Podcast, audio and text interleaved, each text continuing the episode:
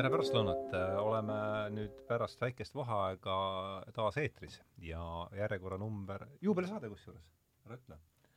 sada seitsekümmend viis, eile me salvestasime küll Tartus äh, saate, aga see, see tuleb hiljem netti, nii et jääb saja seitsmekümne kuueks ja ja sel puhul oleme, on stuudios innovatsioon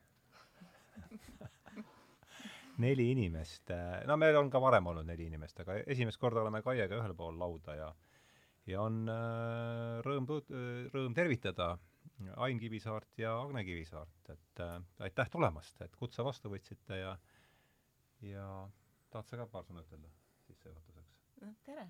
jah, tere et teemaks on siis, nagu ma kirjutasin välja ka sellesse või panin sellesse Google'isse või Youtube'i, et Lord Jim esialgu töö pealkirjana, mis ta, mis ta päris pealkirjaks saab, see sõltub, see selgub pärast seda, kui on asi äh, niimoodi läbi kuulatud ja kirjutatud, aga aga põhjus on siis see, et nagu ma seal ka saate tutvustuses kirjutasin, et äh, kaks tuhat kaheksateist oli meil esimene oluliste raamatute kursus ja see nüüd sai siis novembri alguses sai üheksas hooaeg läbi. Ain, kas, aa muidugi Ain olid, sa olid ju lausa kas sa olid kõige esimesel? muidugi ja, olid, jaa. ma olin ja. esimesel just, ja, ja just, teisel ka kindlasti, ma ei mäleta, kas sealt edasi veel. ja siis aga... sa käisid pärast seal Looduse tagasitulekul ühel, eks, ja, ja, ja Agne tegi debüüdi sellel, sellel kursusel ja Kaia on olnud äh, no mina, ma olen käinud kõik kursused läbi, oluliste raamatute sarjas ja, ja no me siis vot ikkagi teeme koos neid selles mõttes, et sul pole, pole väga pääsugi aga aa, ma lisan juurde veel ka seda, et mul on kuidagi õnneks olnud see, et et ma isegi ei ole pidanud üheltki kursuselt puuduma. et äh, aga sina ka vist ei puudunud või? tere kõigepealt minu poolt äh,. jaa, mina ka ei puudunud, ma olin kohal kõikides, sest kõik oli väga huvitav ja sain ja. nii oma tegemised sättida, et ja, ja. sain kohal olla. jaa, aga siis ongi, et üheksas hooaeg oli siis äh, Jossef Konradi minu arvates suurepärasest romaanist Lord Jim, millest me oleme rääkinud siin nüüd vähemalt, see on kolmas kord, kus me räägime. no okei okay,, jah, ütleme Vano ja Märt, Märt Väljataga ja Vano Alsaluga ei olnud otseselt võib-olla romaan fookuses, aga kui käisid Kivisildnik ja Leo Kunnas, siis me rääkisime romaani, et noh, teine saade on see Lord Jimist nüüd küll ja on neljas saade Konradist. neljas ja... saade Konradist ja, ja ma ei tea, kas me olemegi ühes teises, üheski teisest raamatust kaks korda rääkinud. ma küll ei mäleta idioot on plaanis küll, jah. Mm.. aga, aga ma ei tea, noh, kuivõrd see kursus äh, oli Lord Jimis, siis tundub olevat see ükskõik mõistlik tegu ja mul on, seda oleme kaua plaaninud, seda saadet ka ja väga hea meel, et see lõpuks, hea meel on teid mõlemaid siin näha ja hea meel on, äh, et see saade lõpuks teoks sai. ja ma arvan, et ma olen oma sissejuhatuse nüüd ära teinud, et äh, et tõsi küll, tõsi küll, et ähm, Ain ei osalenud kursuselt, võib-olla siis hakkame, kursusel ei osalenud, hakkame võib-olla siis Agnest liikuma niimoodi. et mis jäi meelde raamatust ja mis jäi meelde sellest äh, kaheksast kokkusaamisest, mis me siis äh, Konradile pühendasime. et siis vaatame, kus see jutt meid edasi kannab. ma kahjuks ei jõudnud jah, raamatut enne seda kursust läbi lugeda, et võtsingi tegelikult raamatukogust vist päev enne selle, selle raamatu.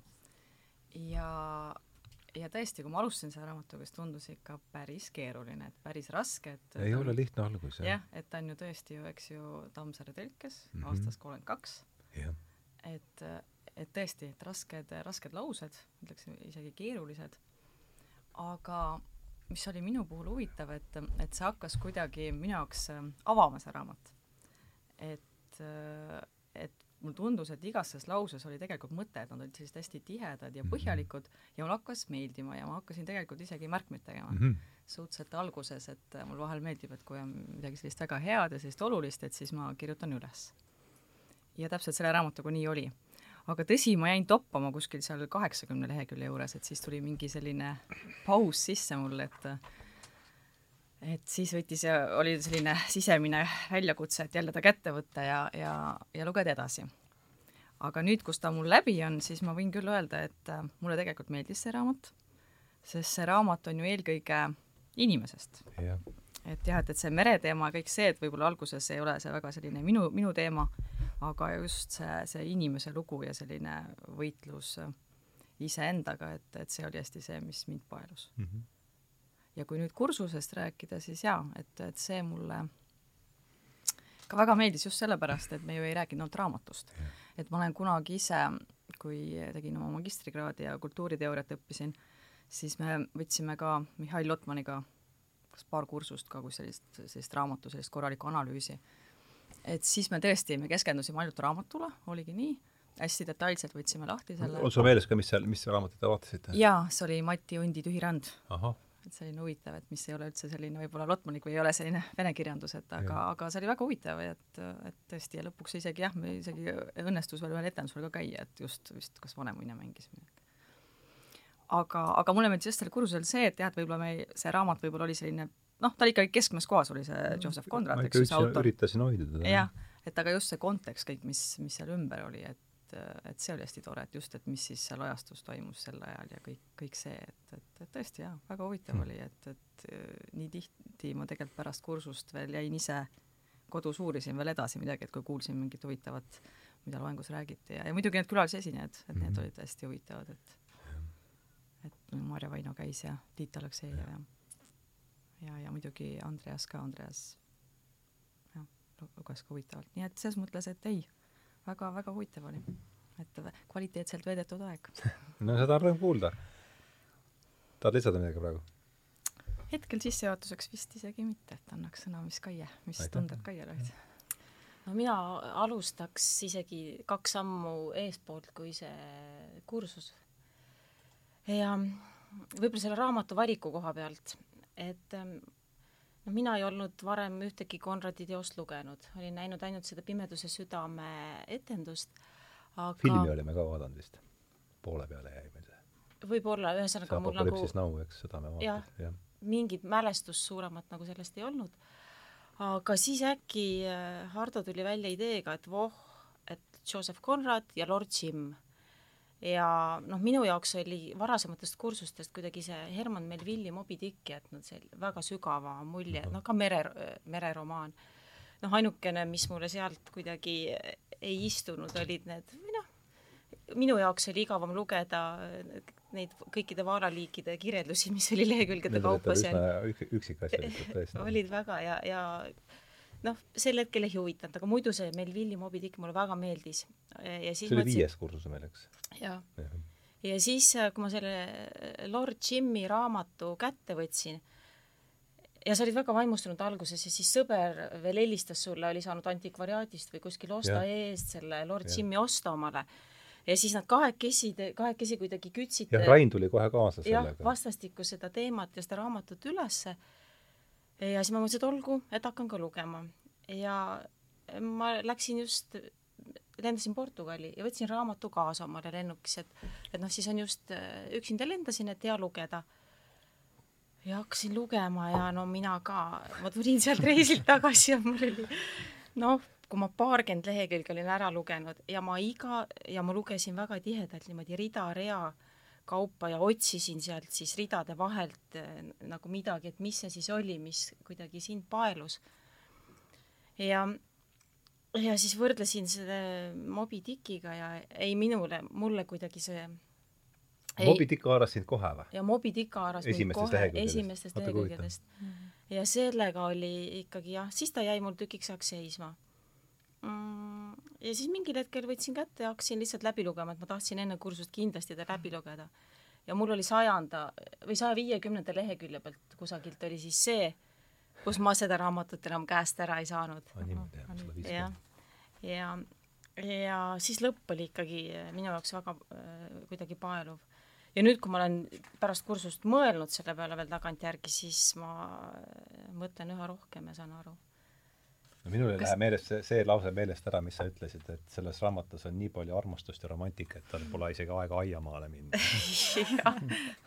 Et see peab olema ikkagi kõva, kõva raamat, just see lõpus, sest lõpus ta on täitsa ikkagi käiguvahetus, eks ole. täiesti käiguvahetus on ja, ja ja jällegi, et minu arust see on üks seda tüüpi raamat, mida tuleb või noh, on soovitav mitu korda lugeda, et esimest korda ma sain sellesama esimese kursuse Võlumäelt selle äh, maigu kätte, et loed ükskord ära, eh, sa oled enam-vähem selle olustiku selgeks saanud, aga siis hakkad järjest läbi lugema veel teist korda, siis tulevad hoopis uued kihid välja ja minu arust on see Lord Jim täpselt samasugune. ometi see Võlumägi on päris korralik tellis, eks ole. jah. kõvas tellis, võrreldes äh, Jimiga. võrreldes Lord Jimiga jah, et seda on ikkagi hea. Või noh, hea kätte võtta, et oh, lühike, et saab ja. läbi. Tahad lisada midagi? vast praegu kõik. tema.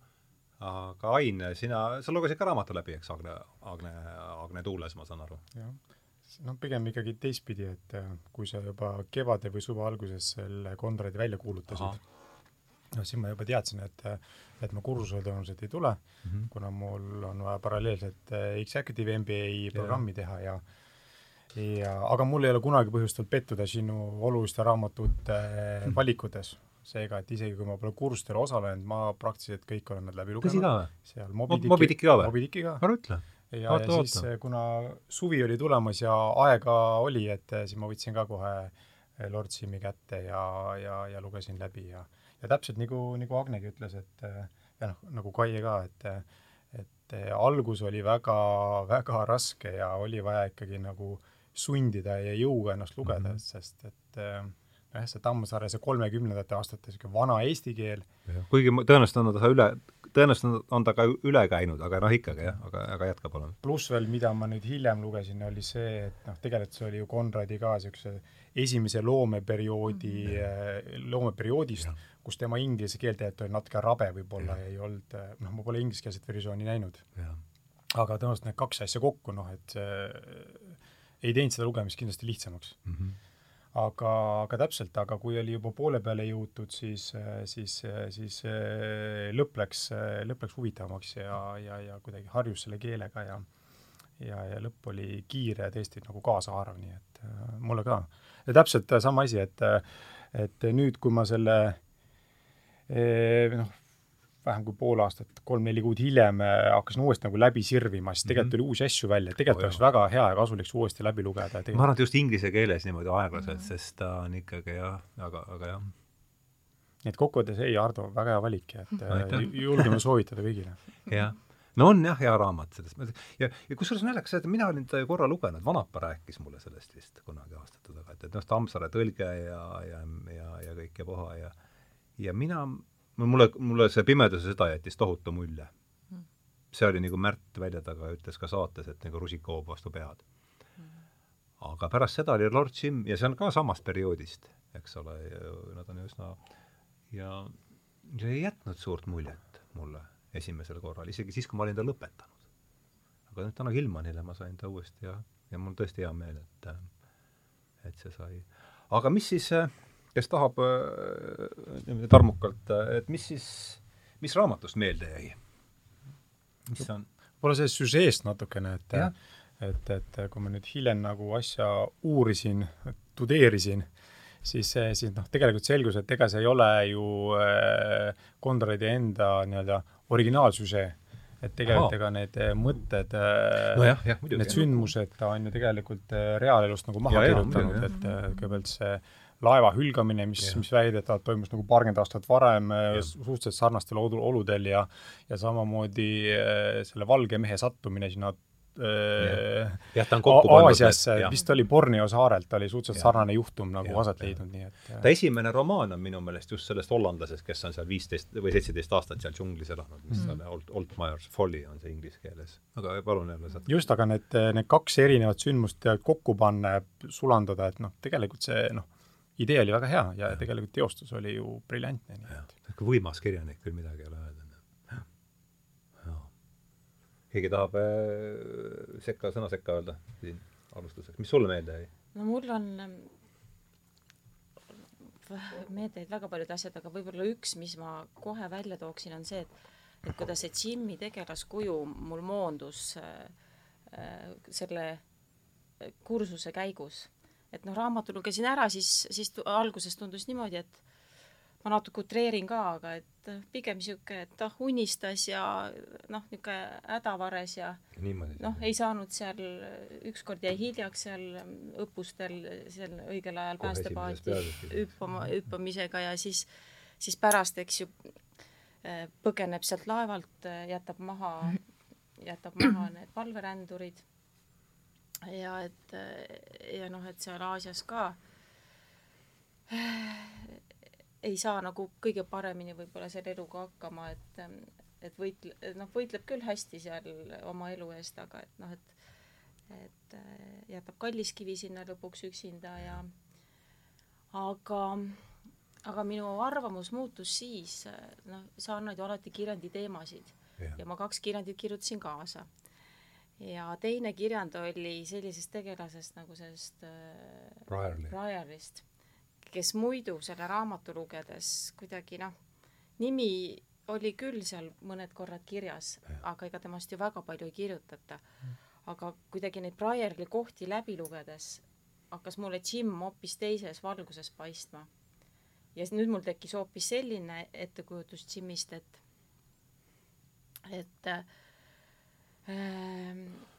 et Jim oli just äh, väga selline vapper ja et ta oli nagu, ta unistas ja liikus oma unistuste poole kogu aeg.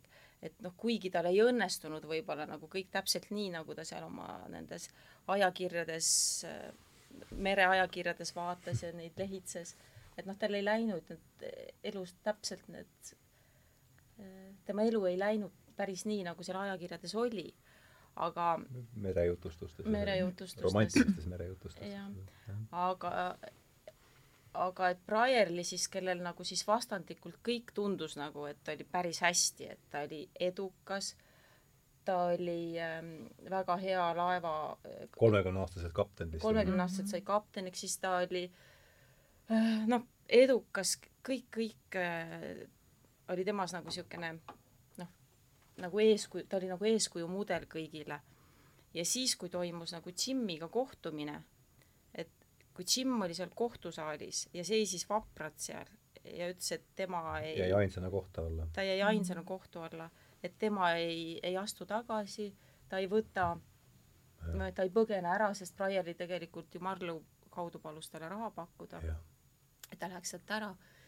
et siis Jim oli selline vapper ja mul on üks koht seal kuidagi nii äh, meelde jäänud, kui Briarli vaatas Jimmi silmadesse. jah, ma mäletan, sa rääkisid seda, jah. ja mulle, ja see, kuidas mina sellest aru sain või mis ma tundsin, et ta nagu kuidagi ei suutnud vastu panna sellele Jimmi silmade sügavusele, et sealt kangastus talle tema vari. E-, ehk et Jimmis olid kõik need asjad mis siis, mis siis temal tegelikult olid kuskil peidus.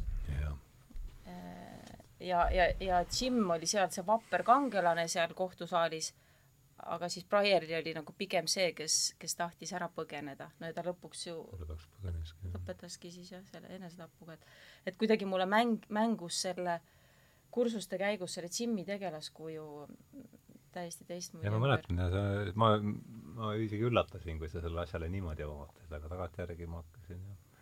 ja Peter O'Toole'i muidugi, kui Peter O'Toole'i vaadata, siis need, need tema silmad ülisinised silmad ülisinised nendesse vaadates Peter tõi... O'Toole mängis siis selgituseks kuuekümne viiendal aastal tehtud mängu, tundub, et suure eelarvega mängufilmis äh, Lord Jimmy mis kahjuks nii huvitav ei, ei olnud, eks. jah, mina, mul kadus huvi pärast seda, kui Sven siin eelmises saates selle filmi lahti rääkis, aga lõpu ära rääkis. lõpu ära rääkis, jah. aga ma tegin päks, üks päev Exceli, kuhu ma panin kirja kõik need kirjandi teemad, mis me oleme siin nüüd, need on ju toimunud, meil on praegu, eks ole, neljateistkümnes, ei, kolmeteistkümnes kursus on praegu. ja need sai kuuskümmend kolm tükki. kuuekümne kolmal teemal on kirjutatud, see oli päris huvitav aga üks meeldejäävamaid kirjandeid ja see sobib siia hästi, on äh, Aini kirjutatud kusjuures, see oli esimene, see oli Võlumäe kursusel, sa kirjutasid, eks teemaks oli enesetapp mm. -hmm. Ja see lugu sellest tüdrukust ja see pilt sealjuures, kurat, see mul siiamaani on meeles ja noh, see on täpselt see, Briar äh, võib-olla ei tulnud, noh, lõpuks tuli see välja, aga kapten, kapten Briarli on siis see, kes äh, on Jimmy kohtuasjas kaasistuja ta figureerib võib-olla paarikümnel leheküljel või? jah, rohkem küll. lõpus tegelikult tuleb ka vist korra või, midagi seal kuskil. jah, mitte rohkem igal juhul. ja, ja väga põgusalt. ja väga põgusalt ja, ja, ja, ja kõik, et kõik on olemas, kõik, kõik, kolmekümneaastaselt kapten, kõik mm -hmm. ja siis pärast Simmi, pärast Simmi kohtuasja sooritab enesetapu, et mis kuivõrd sul see, mis, mis, kuidas sina sellest? ja meil oligi siis teise kirjandi teema oligi tõepoolest, et miks, miks ta seda tegi? mis sina, Ain, sellest, kuidas kuidas Kaia esitas oma Briarli müsteer- oi, vabandust, see oli minu kirjandi pealkiri. aga pea, küsimus oli jah, et miks ta seda tegi. Otsisin tükk aega pilti sinna, mida sinna panna, et ma aga jah, mis äh,, anna su jä, jä, sõnajärje üle parem. no see koht on äh, minule küll täielik müstika, et on, on ju? no võib- võib-olla paar sõna tagasi jah, sellest äh, kirjandist, mis me Võlumäes kirjutasime, et äh, seal enesetapp, et äh, seal juhtus nii, et, et samal ajal, kui me pidime seda kirjandit kirjutama, siis, siis National Geographic oli, oli kirjutanud just inimeste, kuidas ma ütlengi siis, kirurgilisest taastamisest ja siis üks tüdruk oli nii õnnetult yeah. enesetapu teinud, et tal oli kogu alalõug oli ära ja ühesõnaga, et seal oli päris, päris mäletan, sealt sa võtsid selle pildi, on ju? päris palju, palju vaja seda kirurgilist sekkumist uuesti teha, aga just see, et, et kui inimestel on, teed kõik hästi ja mingi väike asi viib nad rööpast välja ja, ja tõesti tehakse see ebaõnnestunud enesetapp ja, ja siis, siis sandistatakse ja siis tekib see elutahe ja, ja siis hoitakse nagu sest niidi otsas rippuvast elust nii kõvasti kinni ja tehakse mida iganes. et, et kõike nagu tagasi saada. see oli, see oli see asja mõte jah, et, et mis, mis tookord eh, oli see ühenduskoht Võlumäega ja. minu jaoks, et ähm, jah, seal oli nafta tõ, tõenäoliselt tõukus see nafta enesetapust, eks mm. -hmm. see kirjand, ma kujutan ette, et seal muid enesetappe ei tule minu meelest ette. jaa jah, aga selle Praeli koha pealt mina, mina olen täiesti nõutu, et et, et Kaie selgitus on väga hea. et mul sellist, sellist assotsiatsiooni kuidagi ei tekkinud ja üldse noh, tõesti lugesin ja noh, eriti selle Jimmy taustal, et, et noh, mind, mind jättis täiesti nõutuks, see oli minu jaoks täiesti selgitamatu, arusaamatu, et oli, ja see täiesti müstiline, noh, see on ka, miks see küsimus tekkis üldse, eks. ma ei tea, kas Konrad meelega jättis selle nagu nii lahti, et ta ise andis võimalikult vähe vihjeid, et et igaüks saaks just endale selle selgituse leida, aga aga tegelikult seal nagu ühte ja niisugust loogilist selgitust tegelikult ei olnud ju jah, ma arvan, see oligi just äh, tehtud nii, et täpselt, et, et ta avaks nagu kuidagi lugejale siis jah, et, et, et igaüks mõtleb siis ise, et mis see, mis see motiiv oli, et, et äkki oligi see, et, et kõik oli nii täiuslik, ta tundus hoopis endale see kõik nii tühine, et, et Jim oli kuidagi, ma ei oska öelda, kange, kangelaslikum tema jah, et oli selline, ma ei oska no, öelda, mehele see, see auteema ja kõik see, et, et võib-olla see kõik oli liiga tavaline, kõik oli selline võib-olla igav praegu, et, et aga jah kuidagi ma arvan, et see on teos seotud ikka selle samaga, et ta teeb ju Marlule ettepaneku, annab raha Jimile, et mm. mille ta ei kannatanud seda kohust. ta ei kannatanud seda kohust mingitel põhjustel välja seal on kuidagi, mulle tundub niimoodi. -hmm. ma leidsin selle koha üles, et siin on see kapten Joe, tema abiline, või ta oli, esimene abi oli vist mm -hmm. kapten Jones, eks. või Jones, et miks ta astus selle äkilise sammu, kapten Marlow? kas te oskate arvata, küsis, küsis Jones oma pihkuseid kokku surudes. miks mulle käib see üle mõistuse, miks? Ta lõi endale vastu kortsus otsaesist. kui ta oleks olnud vaene, vana ja võlgades, ilma igasuguse väljavaateta või hullumeelne, kuid tema juba polnud sedasorti inimene, kes läheb hulluks. uskuge, mida esiohvitser oma kaptenist ei tea, see ei väärigi teadmist. noor, terve, jõukas, muredeta. ma istun mõnikord siin ja mõtlen, mõtlen, kuni mu pea hakkab huugama. pidi olema mingi põhjus. et äh, jah, väga mõistatuslik kuju, et äh, üks võimalus ma nüüd mõtlesin sellele, et seda, seda vestlust struktureerida, ongi käia võib-olla need kirjandite teemad läbi. või kui, äh, mis, äh, kas on Briarli kohta midagi veel, äh, midagi lisada? mis sa tahaksid? no ma mõtlen käigu pealt siin lihtsalt, ma lisaks võib-olla ainult seda, võib-olla täpsustaks seda, et, et noh, minu jaoks see Lord Jim muutus ikkagi selgelt süvapsühholoogiliseks romaaniks, mereromaanist süvapsühholoogiliseks mm -hmm. romaaniks. ja, ja, noh, see võib-olla, mis ennem mu jutus väga hästi võib-olla välja ei tulnud, aga see koht, just seesama, see silmade koht on ikkagi, ma jään sinna kinni, et et kui ta, kui ta oli seal see koht meile, leiad sa üles ka selle kohtusaalis, ma võin pärast vaadata. vaata pärast, jah. kui ta kohtusaalis oli ja vaatas, aga ma võin oma kirjandist lugeda selle koha. Et äh,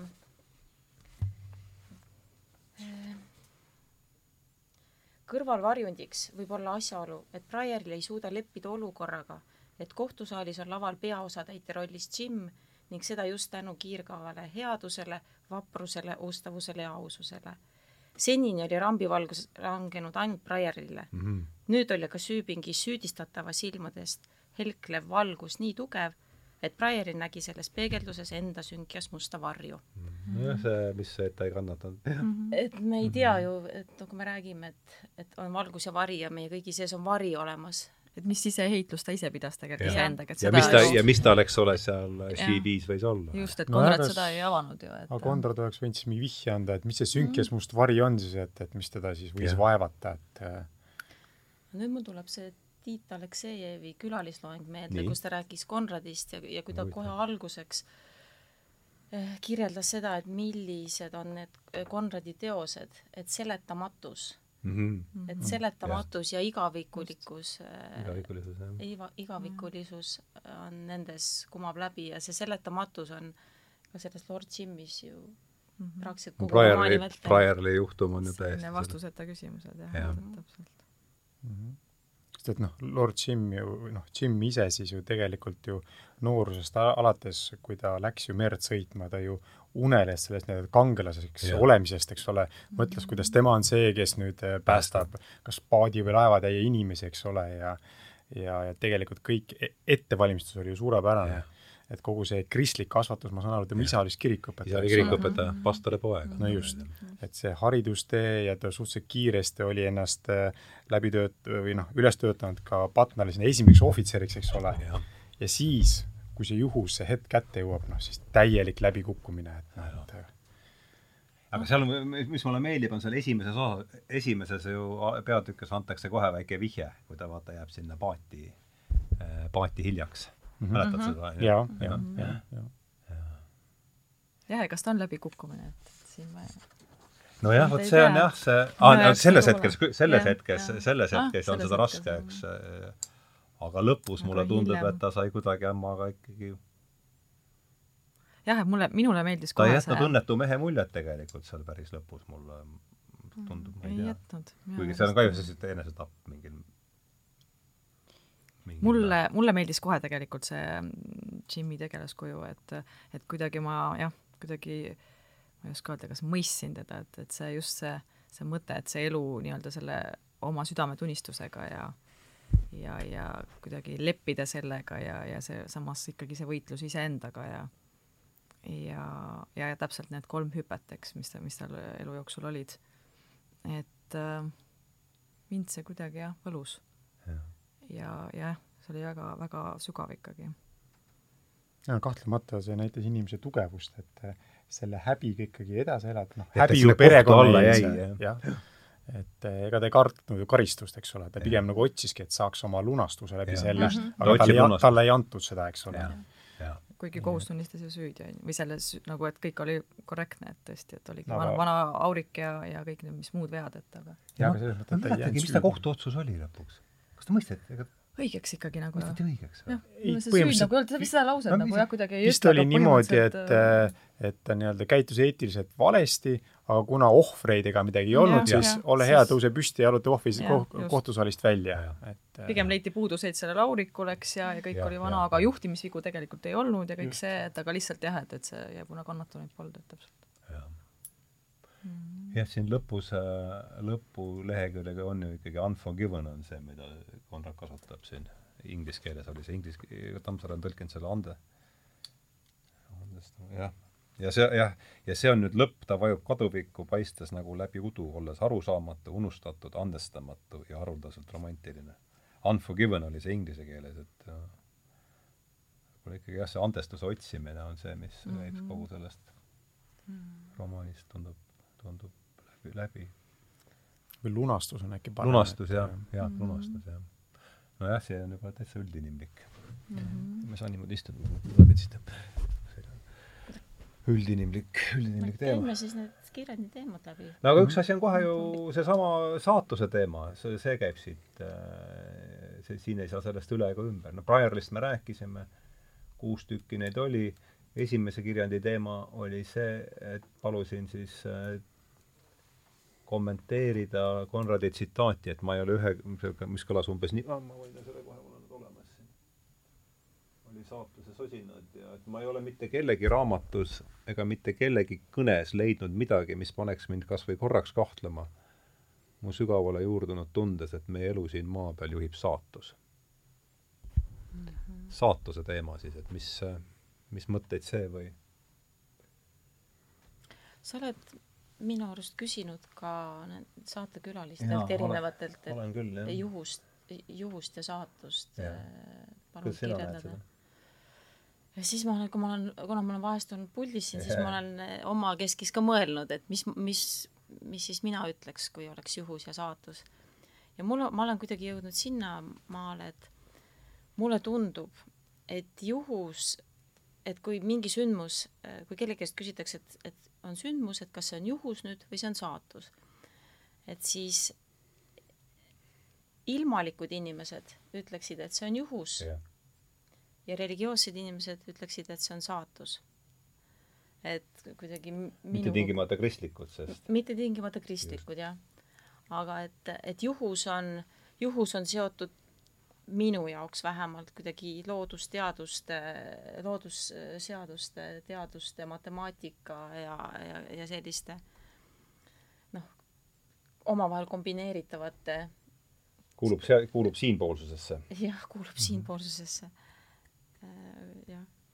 ja siis saatus on, ja saatuse puhul me võime siis rääkida sellest, et kas ta on ette määratud või et, või meie, meie elud või saatused ei ole ette määratud mm, -hmm. ette määratud, ette, on ette määramatud. mängige te ka selle saatuse palliga natukene, vaatame, kuhu see välja kannab. no mina jah, ma mõtlen pragmaatilise inimesena, tahaks ka mõelda, et justkui see inimese elu on nagu enamikus äh, oma tegevuste tulem, eks, aga mm, -hmm. aga alati on seal ikkagi mingisugune aga, ehk siis ikkagi saatus mängib ka rolli. ehk siis me kõike ei saa lõpuni ära, ära korraldada, ära planeerida ja ära teha et, et jah, ja samamoodi juhusel on kindlasti oluline roll. aga kui palju ja mis osakaaludes, et noh hmm., see on selline juba Pole täppisteadus niikuinii, eks? järgmine hmm. küsimus, et et jah. noh, Jimmy näitel kindlasti noh, see Patnale sattumine juba, kogu see õnnetus, mis nagu kiirelt juhtus, et noh, tundus, et oligi nagu ikkagi juhus, millega ta tegelikult nagu lihtsalt asjaolude kokkulangemise tõttu määris oma au. Ja, ja siis eh, mis, mis tegelikult määraski tema saatuse, et, et mis pani teda otsima siis nii-öelda ja ootama siis uut juhust, millega see au uuesti puhtaks pesta. ja noh, lõpuks ta selle juhusega sai ja, ja ta nagu ei kõhelnud muidugi hetkegi, et, et seda võimalust kasutada seda enam, et tegelikult kui ta seal ju, seal Patnal oli, eks, et siis ta ju kohe ei hüpanud, et see oli ikkagi selline hetk, kus ta nagu ju ka mõtles, et täpselt, et kas ta nüüd võtab selle löögi vastu ja. või, või mida ta täpselt teeb, et noh, et, et see oli just selline nagu, nagu selline venitatud, et hoidis nagu hästi pinevil, et mi-, milline tegu nüüd sellele järgneb, et jah, see on meri kohises nagu kakskümmend tuhat katelt, see on mulle meelde. hästi head võrdlused olid, jah. jah, ikka võimas, võimas teamas, jah. aga mulle meenub see et ma kasutasin seda Joeli, Joel Sanga luuletust ka, mis oli ohvitseride majas selles jaa, see oli, jah, see on ju sul kirjas kuskil. ma võin seda lugeda. see on ilus, väga ilus luuletus. et kui ma seda luuletust nägin, siis ma, siis mul kohe noh, see ongi puhas saatus, aga et siis mul tekkis kohe see mõte, et ei, et et ma pean sellest saatusest ka kirjutama ühe kirjandi. aga see Joeli äh, luuletus näeb siis välja selline. ulgumerel pärast laevahukku avad suu, kui kõrvad jäävad lukku. laotust täidab vaeste laste hala, päästepaadi pardal vaata ette, et su vari sealt ei langeks vette. sügavikus luurab pime kala, nõnda saatus ikka saab sind kätte. selles mõttes sa riimub romaaniga ikka mm. päris vaata, et ikka üllatavalt teed no, lausa. iga sõna või iga rida ja, on nagu, võib otse. panna väga täpselt minu arust siia Lord Jimmy just, mul tulebki praegu meelde, see just mulle meeldis, see tegelaskuju, see Stein. jah, selleks ma mõtlesin ka Steini peale. just, ja ma isegi leidsin, ma kirjutasin omal endale üles ja vaatasin siin lehekülg sada seitsekümmend üks, ta ütleb nagu nii ilusti selle juhuse kohta ka jällegi see, et, et üks asi ongi see, et kas me kasutame neid juhuseid, kui meile teele tuleb. et, et ma hea meelega loeks siit ette, et see minu meelest on nii, nii hea. et see ongi lehekülg sada seitsekümmend üks, kus ta siin vestleb siis Marloga vist või? Nii, ja, ja siis jah, Stein tõstis käe ja kas teie teate, kui palju juhuseid mina olen lasknud mm -hmm. käest libiseda, kui palju unistusi, mis sattusid minu teele, olen kaotanud. ta raputas kahetsevalt pead. mulle näib, mõned neist oleksid olnud väga ilusad, kui oleksin nad teostanud. teate te, kui palju neid oli? võib-olla ei tea ma seda isegi.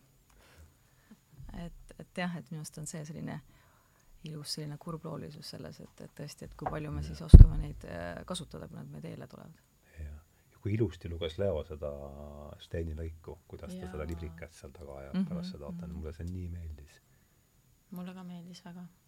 et see Stein oli jah, hästi, hästi huvitav äh, tegelaskuju. ma lugesin ühest Konradi eluloost, et äh, Steini Steini äh, prototüübiks olevat olnud see Konradi onu, Tadeusz Bobrovski. just, jaa ja., ma ka.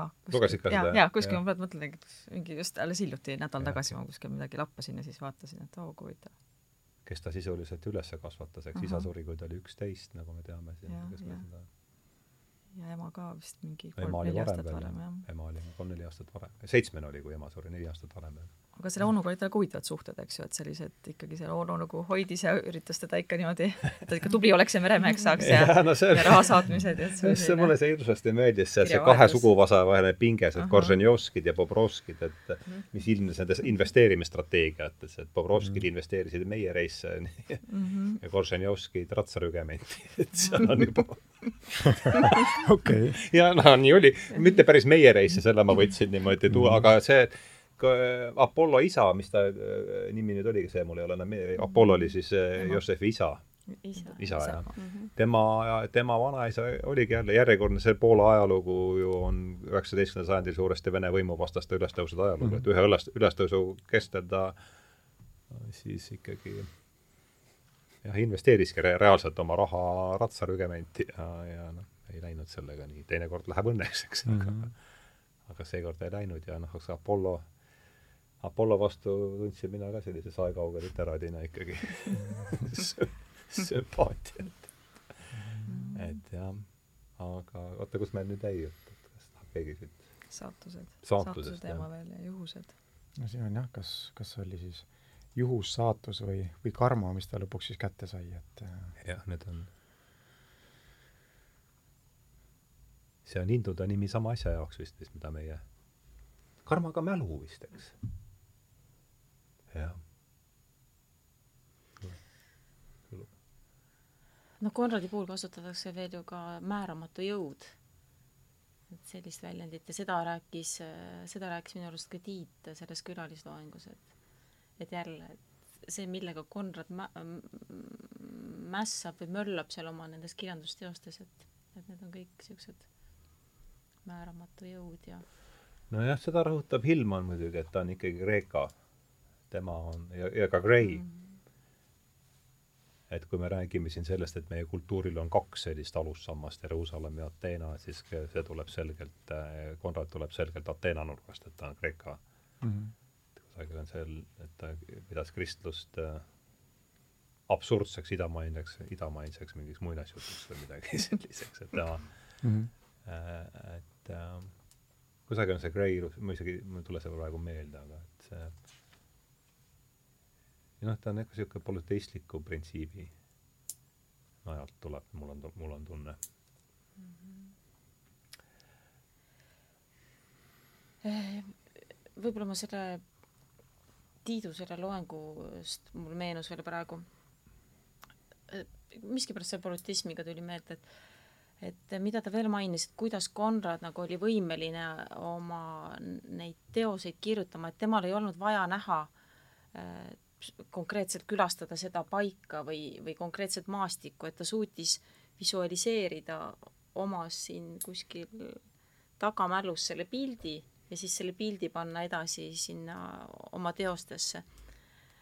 kuigi ta käis, käis ju, sõitis läbi neid radu seal, ei, Konrad ei ei, kui noh, ta, ta sõitis ikkagi ta, sel, ta käis ju selle, mis Vida, Vidar oli vist selle aurulaeva nimi, aga millega ta sõitis ja. seal, kui ta Singap-, ta see on tema eluloos ju, ta saab samamoodi seal selle mingi purje laevaosaga vastu pead või mhm. selga või kuhu ja siis jääb Singapuri haiglasse mm -hmm. ja siis sõidab pärast seal selle aurulaevaga Vidar seal Kalimantani ja ühesõnaga seal Sunda saarte vahet, nii et selles mõttes on ta selle ta, seal on tal ikkagi reaalne isiklik kontakt selle olustikuga, saan mina aru. jah, noh, kust tuleb see hüperreaalsus, aga et mingid kohad, mida ta oma nendes romaanides kirjeldab, et need on, et ta ei ole neid kõiki läbi oh jaa, Lõuna-Ameerikas ta pole, Lõuna-Ameerikat ta nägi ainult äh, kaldalt ja nagu Nostromost rääkida, jah. aga et ta kirjutab selle, ta kirjeldab seal kõik täpselt nii, nagu ta oleks seal ise olnud äh, ja, ja veetnud aega. ja kirjutab mm -hmm. kolmandas võõrkeeles või te-, noh, teises võõrkeeles siis mm. -hmm. see on uskumatu jah, et selle inglise keele ta kümme aastat vist pärast oma, noh, seda ja. esimest korda suhtlemist hakkas nagu kirjutama. millal ta tuleb, kas ta on, ta on viiskümmend seitse sündinud, eks kakskümmend ja ta polnud grammatikat ju lugenud, et see oli huvitav ka, ta polnud grammatikat inglise keelde õppinud, et kõik see, mis ta oli kuulnud, et äh, mida rääkisid siis meremehed sadamates ja, ja et selle järgi ta õppis selle keele selgeks. jah, seitsekümmend kaheksa tuleb ta Inglismaale ja Lord Jim on kaks või tuhat, tuhat üheksasada üks, eks, ja see ei ole ta esimene raamat mm. -hmm. nii et sisuliselt kümne aastaga. jah, kümne aastaga oli ta. ja ta ise kusagil kirjutab, et äh, ma ei oleks, kui mul ei oleks inglis, kui ma oleks inglise keelt õppinud, siis ma ei oleks ühtegi raamatut kirjutanud mm, -hmm. et jällegi noh mm -hmm., võtan need kinni, eks, mis see, mis see on. see oli tõesti hämmastav, jah mis see teine kiirendi teema teine oligi Briarly. teine, teine mm -hmm. oli kohe Briarly, no Briarly teise te kiirendi me oleme läbi käinud juba. aga vaatame edasi, mis meil oli, sest ma ei mäletagi enam, see on hea mõte tegelikult, kuidagi annab mingi struktuuri sellele, sellele asjale. nii, kolmas. saatuslik võpatus, ahah. no nii. saatuslik võpatus. miks ta annab, miks annab Jim Brownile väljapääsu merele? see on, see, see reaal-, see küsimus reaalselt huvitas mind oleks võinud seal noh mm -hmm., nad olid ju nii, nad olid ju nii suures ülekaalus ikkagi võrreldes Browniga mm. -hmm. absoluutselt, jah. jah. kas sellest rääkisid minu arust ka Leo ja, ja, ja Kivisildnik? sa küsisid? ma küsisin jah, me ei, me ei jäänud sinna väga pikalt, aga aga mis teie, Ain, mis sina? Ühesõnaga, seal on siis, lõpp on see, kus ta on saanud, ma räägin tausta ära, et kes ei ole kuulnud, et ta või raamatut lugenud, et äh, lõpuks leiab ta siis seal oma lunastuse mingil määral ju seal selles äh, Patusanis. Patusanis, jah. aga sinna saabub jällegi, saatus tuleb järele. ja tuleb siis selle, see Gentleman Browni näol, kes jääb sinna lõksu ja kelle nad oleksid võinud vahe, vabalt seal ära koksata, selle, see, et noh, neid oli, mis seal oli, kolmteist, neliteist meest või mm -hmm.? Gentleman on meil siin nii-öelda jutumärkides. jah, jah, just. et et kohta ma ei leia seda, me jääme, natuke on juba mööda läinud ajast, et seal päris hästi äh, oli ta Browniga kohta öelda, ma leian selle vastu nüüd üles, aga aga põhimõtteliselt Brown kaupleb endale välja, Brown ka-, kaupleb enda, endale siis Jimmy käest tee merele ja noh, siis toitu vist tahtis ta seal, eks toitu tahab ja, ja aga siis see, see Kornelius, kes on seal niisuguse eemale tõukavaid kangelasi, siis ühesõnaga mitte Tema... ei lähe merele, vaid tapavad ära seal pool, ründavad selja tagant siis neid, ähm, seda Jimmy mehi ja, ja seal langeb siis see pealiku poeg ja ja see siis saabki see Jimmyle saatuslikuks. aga noh, küsimus on see, et miks, miks ta üldse, mis, miks ta teie arvates seda, seda tegi, miks ta laseb tal tal minna. ma leian seda. mulle tundub, et ikkagi Jim nägi jälle või noh, nägi, nägi selles väikest võimalust eh, iseenda lunastamiseks ja ta uskus tegelikult ju inimeste headusse.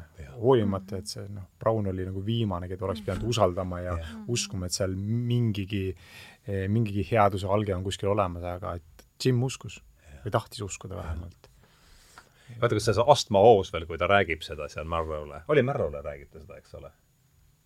või Brown mäle-, Brown ju kusagil, ta on suremas seal kuskil, eks, mingis kuradi urkas. just, just, minu arust ka Marrow. ja kui rõõmus ta veel selle üle on.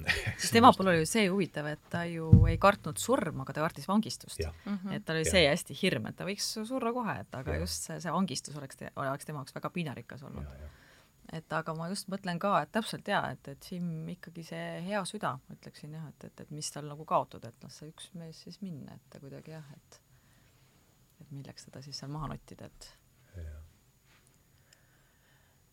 räägi, räägi. Konrad seal raamatus ju tegelikult viskab sellise vihje veel ka, et et Jim, et Jimile sai saatuslikuks tema iseloom või et ta jäi oma iseloomu ohvriks, et ta oli võtnud selle otsuse vastu, et ta annab äh, vaba pääsu sellele Brownile mm. -hmm.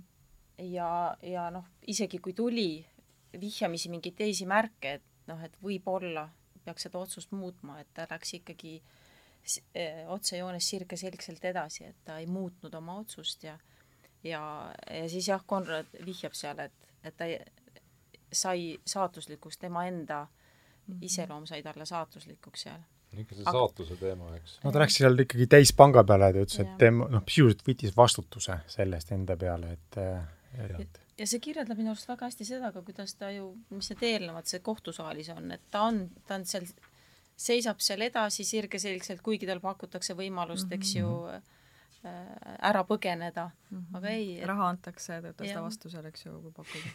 Et kõik igatpidi, jah ja ma leidsin üles, et kõik algas, nagu juba öeldud, Browni nimelisest mehest, kõlas Marlo jutustuse esimene lause.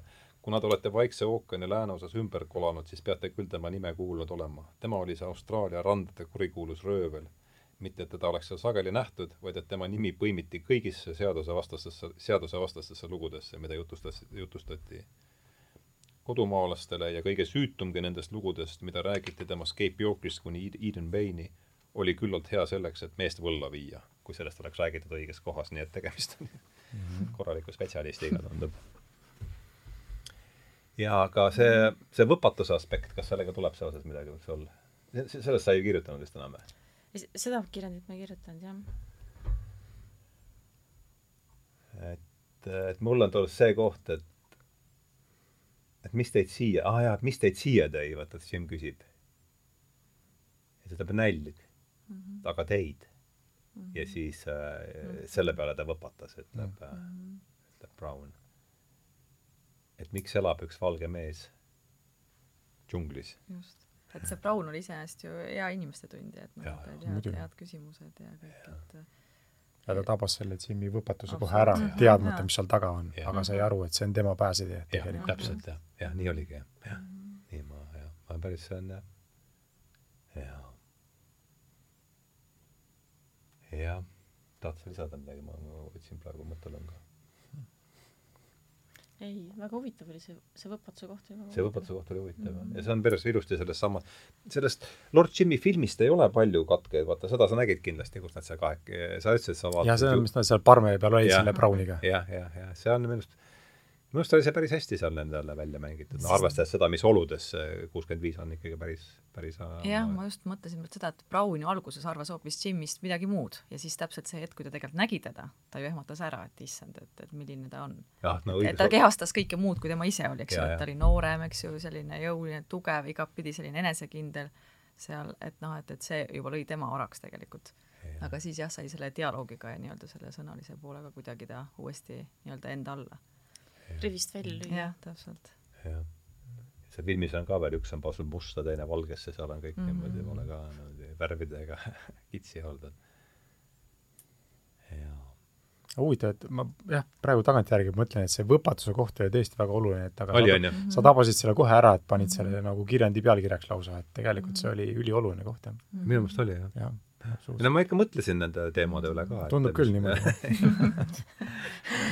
et ei olnud päris ja teine muidugi, no mis mulle hirmsasti meeldis ja mis andis tegelikult, nüüd ma noh, kui ma nüüd olen vaadanud seda, ka üldse seda kursuse, seda trajektoori, et okei okay,, Võlumägi tuli veel, ei tea, siis oli Sheldrake ikkagi juba, siis oli, Võlumäes me juba rääkisime Sheldrake'ist, eks võis küll olla, see ikka suhteliselt alguses oli see. jah, et pikalt läks niimoodi, et kui ma vaatan selliseid tsükleid või pikka lainet, siis Sheldrake'i oma kestab seal kaks tuhat kaheksateist kuni siis ütleme kaks tuhat kakskümmend üks oli meil, kaks tuhat kakskümmend üks oli meil Hillmani kursus, eks mm. -hmm. tegelikult juba reformatsiooni, kaks tuhat kakskümmend üks tuleb juba Hillmani tsükkel ja tänu Tiit- ja sealt nüüd läks ta edasi, ta läbi selle kursusele, ta on Shakespeare, ma tunnen, et, et see on see, mis mind nüüd äh, huvitab ja kuhu ma hakkan seda asja rihtima, just seesama, kus kohas äh, see on siis sügis kaks tuhat kakskümmend kolm? nojah, aga ma arvan, et ikkagi juba, et nüüd meil tuleb, kevadel tuleb see usulise kogemuse mitmekesisus, mis on ikkagi veel Hillman, William Jamesi, jah mis on ikkagi mingil määral veel Hillmani tuules, aga sealt edasi ma tahaks juba jah, hakata liikuma seesama, et mis, mis mulle kuidagi, ma ei tea, mingid asjad, noh, ega see see, see, et see raamatki sai valitud, need on ikka mingid asjad, mis puudutavad või riivavad, et seesama Hillmani tsitaat, eks, ja, ja noh, seesama, mille ta no see lihtsalt kuidagi läks verre. aga see, et kuningas Lear on kõige Konrad, Shakespeare'i kõige konradlikum kangelane mm, -hmm. See, see mulle, ja sellest oli, sellest oli ju kirjand ka, eks. sellest mm -hmm. edasi. aga sellest, aga siit ongi hea, mida, me ei pea järjekorras, et vaatame, et oligi üks ühe kirjandi siis või arutlus, no ütleme, et see on arutlusteema pigem, et me selles kirjandi sõnast nüüd ka siin väga liiga kinni ei jääks kui palju ja. neid kirjandeid tehti üldse sel teemal, see oli minu meelest üks keerulisemaid. aa, ma vaatan kohe, ega neid ei olnud väga palju, siin ja. oli kolm-neli võib-olla või mm? -hmm. Kohe vaatan. kolm tükki ainult, jah mm. -hmm. ja, ja no muidugi see, seesamune, ma näitan seda, ikkagi seesama Jüri Järveti nägu sellest. et näitan kaamerasse ka. ja mm -hmm. see on noh, kuidagi, sa tead seda, on ju. Seda filmi me vaatasime koos läbi sinuga mm. -hmm. mis meil, mis muljed, mis sul seal meeles on? see on siis kus, kas Kosintsev me vaatasime selle Kosintsev oli või Kosintsev või kuidas seda, kus sa rõhud on seal vene nimed? Vene filmi vaatasime. seitsekümmend kas see võis olla seitsekümmend? seitsekümmend. seitsekümmend või seitsekümmend üks, midagi sellist, jah. jah. ma mõtlesin, et see on sama, see on umbes sama vana film ja samal ajal tehtud kui Hullumeelsus. et selle järgi ma ja. Kuidagi hakkasin vaatama, et ja, ja, ja küll, Hullumeelsus oli kuuskümmend seitse vist või midagi sellist. ja hämmastav on see, et, et need filmid, nii Hullumeelsus kui tegelikult ka see vene, venela-, venelaste tehtud ähm, kuningas Liir et nad on praegu täiesti vaadatavad mm.. mm. Yeah. ja, ja minule selle Kuningas Liiri filmi puhul meeldis, meeldisid needsamad kaadrid, kuidas nad olid seda teinud. Sest me vaatasime ka seda Shakespeare'i Kuningas Liiri ju inglaste jah, ja see ei köitnud meid nii. kas telelavastusena või? kas seal oli Ian McKellen mängis Liiri mm -hmm. või? oli, on ju? just, just. selle, vaatasime selle järgi. just, seda vaatasimegi ja see jättis kuidagi nagu noh, see oli värviline lõpuni. ja kõik, aga ta ei paelunud üldse. ta oli see... rohkem nagu telelavastus ka tegelikult. just, aga see Nõukogude, see Nõukogude ajal tehtud Kuningas Liir. see kuidagi meeldis meile onju, vaatasime ikkagi ühe soojaga lõpuni. ta oli suhteliselt siis selle originaalstsenaariumi lähedane Liiri, ja, ja, ja see oli ikkagi puhtalt ekraniseering lihtsalt, et by the book, jah. okei, okei. aga ma hakkasin mõtlema inglaste oma ka mm. -hmm muidugi palju läks kaduma, sest see on küll Pasternaki tõlge äh, või noh, mis see meie, et meie vene keel, Shakespeare'i tõlkis Pasternak nii palju, kui mina ühe tõlke vähemasti tegi. aga, aga no eks ta, ta oli ikka keeruline, keeruline oli tast aru saada. no tekstilises osas kindlasti ja, see me ikka vaata, ta visuaali peal see töötas, aga töötas see vene filmi tekstilises osas kindlasti oli, oli meil kehvem vastuvõtt, jah aga kui ma mõtlesin praegu selle, et, et kui, kuidas see oli, et äh, kuningas Lear on kõige konradlikum Shakespeare'i kõige konradlikum kangelane, ütles Tiit. Shakespeare'i kõige konradlikum kangelane, siis ma mõtlesin, et mis koht mul kuidagi seostuks esimesena, mis mul pähe tuleb. ja siis miskipärast tuleb mul ikkagi see mm, tuleb sellest Lord Jimmy lõpust lõpust, kus see, kui see kalliskivi armub äh, Lord Jimmy ja siis, kuidas see kalliskivi lõpus sinna maha jääb, äh, nutab seal, on ju, kui, kui Jim on maha lastud mm. -hmm.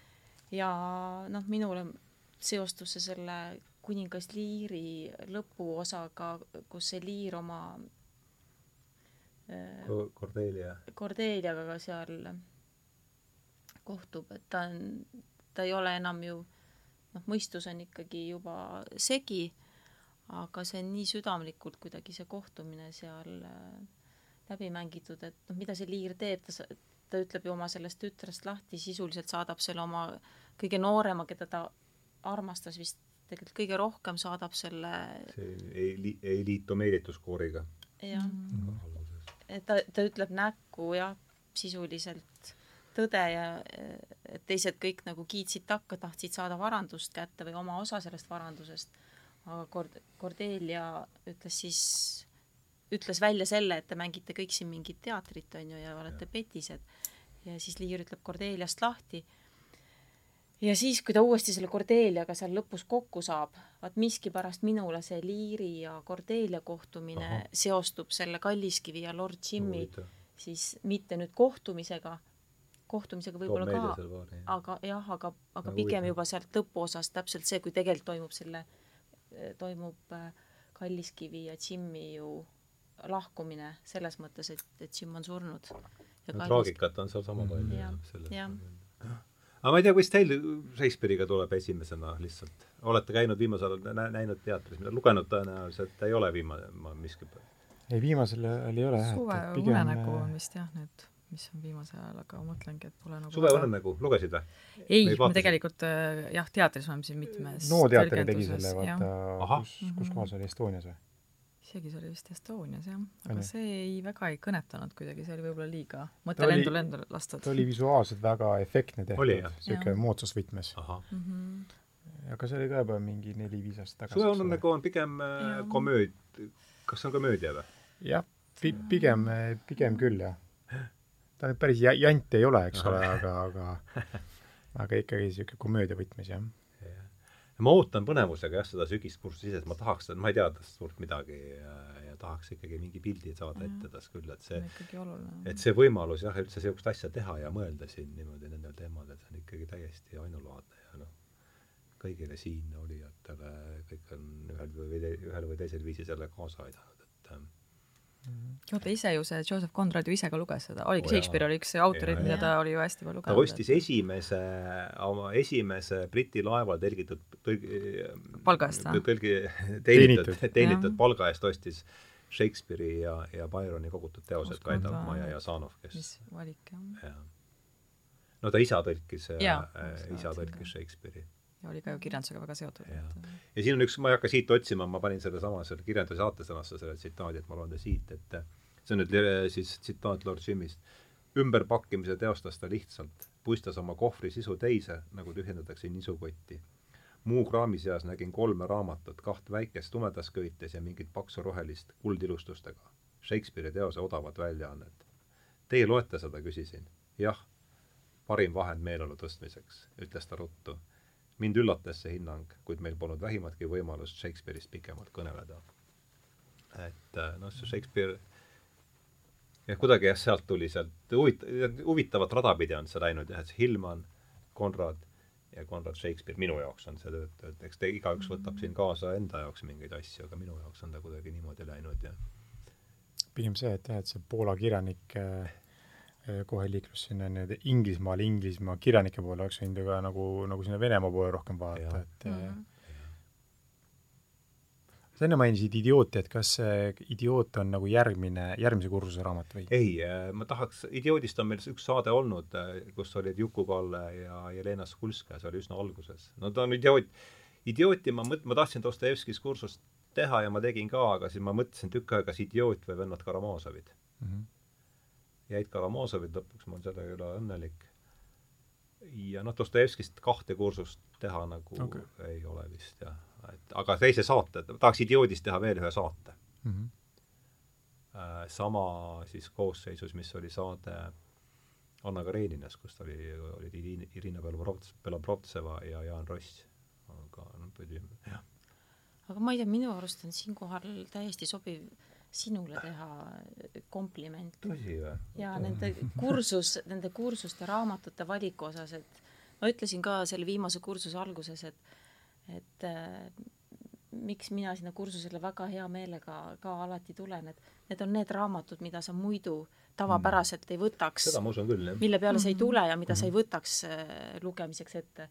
Odüsseost või Odüsseiat ikkagi. Odüsseiat, jah. Odüsseia noh, Lord Jim on küll väiksem, Võlumägi, et see, kuidas need seal, et see valik ja see, kuidas need läbi me seal töötame, et see on, et see on väga no, aitäh, aitäh mm. -hmm ega noh, see pakub lihtsalt endale huvi ja veel kord, ega see on ju kahepoolne tänu, et, et see, et te olete käinud, võimaldab seda teha ja ja, ja noh, see on ju, võiks ju olla asja mõte, et üksteisele tuju üleval hoida, mitte seda mm -hmm. kõigest vahest rikkuda võib-olla on vanamoodne arusaam aga aga jah. nii et suveunenägu tuleb veel midagi, vist olete käinud viimasel ajal? Ega rohkem ei ole viimasel ajal vist mitte jah, et eks kooli Koolis kooli nagu- ajal sai jah tehtud, aga vaata, see ongi see, et kui praegu mõtlen, et, et nüüd oleks see vaba aega ja rohkem, et siis tõenäoliselt võtaks need teosed ette, sest kooli ajal on see, see üks, et see elukogemus ja kõik muu ju sul puudub tegelikult ja, ja nii raske on selliseid raskeid teoseid just. tegelikult analüüsida ja sa ei, tõenäoliselt ei saagi kõike seda, seda aru, et loed kohustuslikus korras läbi. just, täpselt. ja see võtab, võib isu ära võtta üldse aastateks, eks.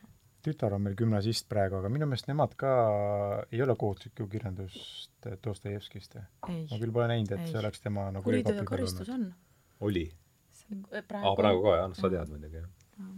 Okei meil praegult nagu ei ole. kuriteo ja karistus on, aga ma ei, mina ka ei saa aru, võib-olla on see kooliti erinev ka kindlasti on kooliti erinev ka ja eks see programm on ka muutunud, et aga jah, et üldiselt jah, peaks nagu hästi mõtlema, mida siis, kuidas seda noort äh, isiksust nagu suunata ja mis, mis, millised teosed sinna nende teekonnale tegelikult saata, et et tõesti, kui ära materdada selliste raskete teostega, et siis tõenäoliselt võibki seda Jah.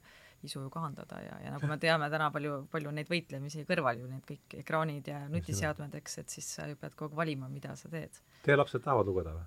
õnneks Tahavad, tahavad, väga tahavad, et meil on isegi, meil on isegi see olukord äh, noorema tütrega, et ta on? ta on kümneaastane, et me vahel tõreleme, tähendab, mina tõrelen, ta loeb liiga palju. keelame lugemise ära, aitab soo, küll. meil on nagu jah, väga, väga teisipidi see, et lihtsalt jah, et, see on et päris haruldane. et oleks, oleks muid tegevusi ka, et, et, et ikka pole ema rahul, et aga tal on raamatukogu tädid on kõik juba tuttavad ja ta tavaliselt läheb, viib nagu kümme tükki tagasi, võtab kümme tükki uut ja tõsi ka või? uskumatu. mida ta loeb?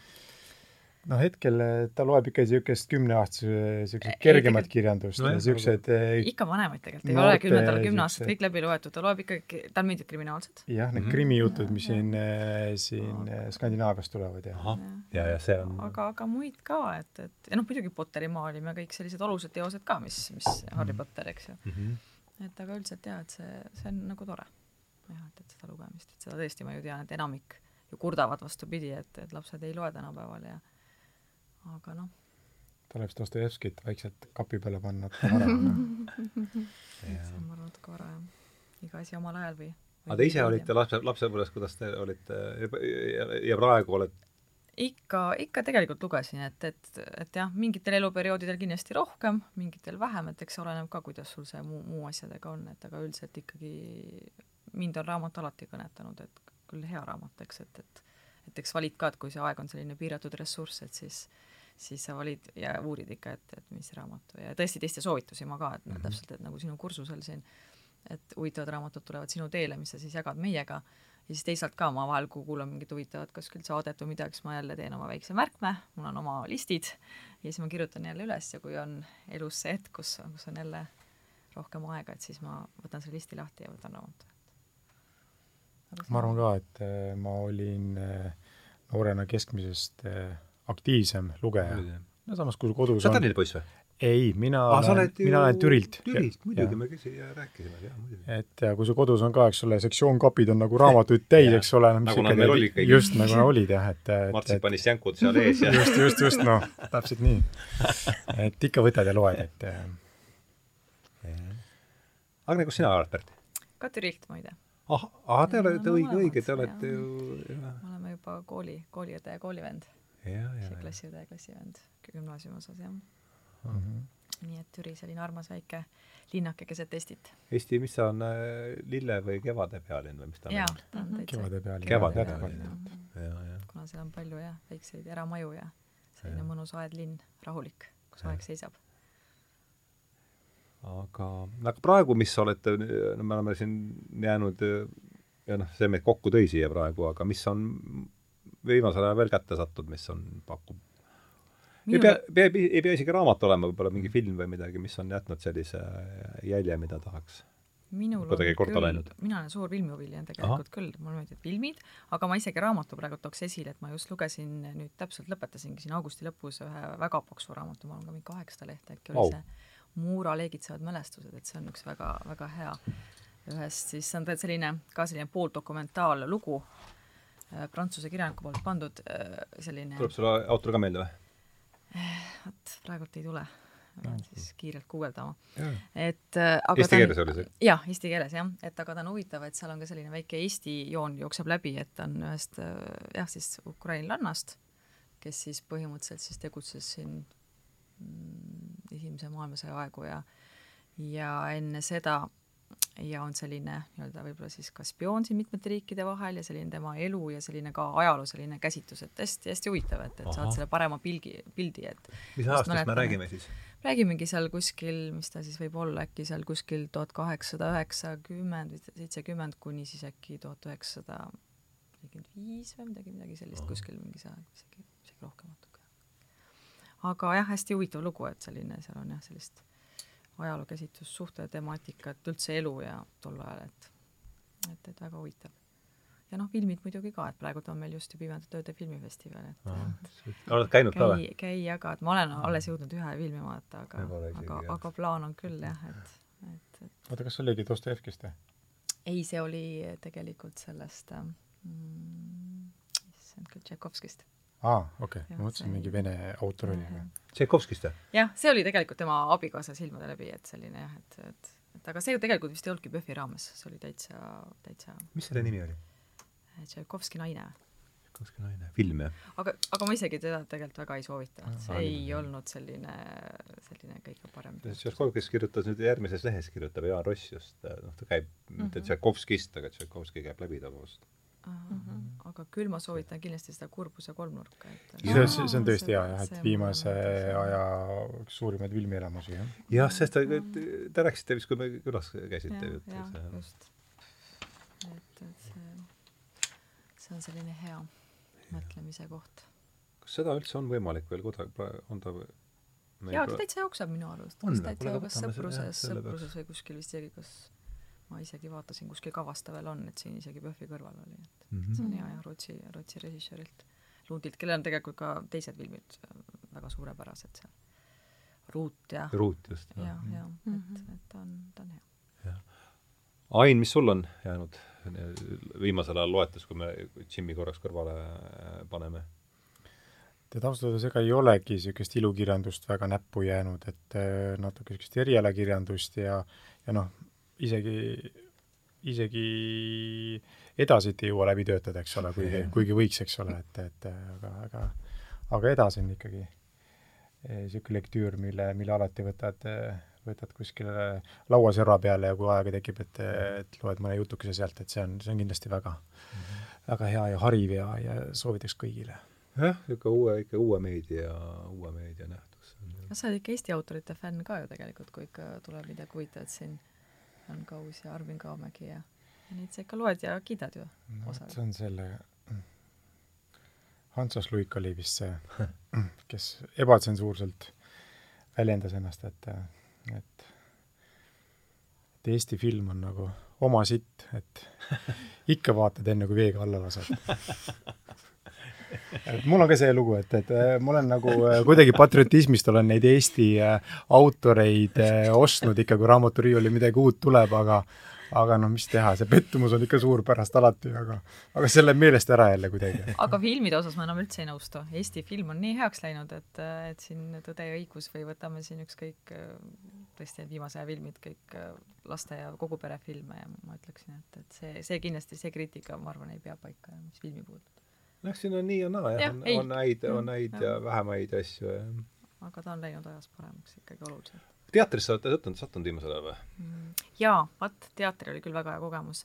Eh, viimasel võib-olla mitte, see oli tegelikult täitsa mäletan, see oli kas ähm, üheksas juuni, ma käisin vaatamas Von Krahli See fundamentalisti.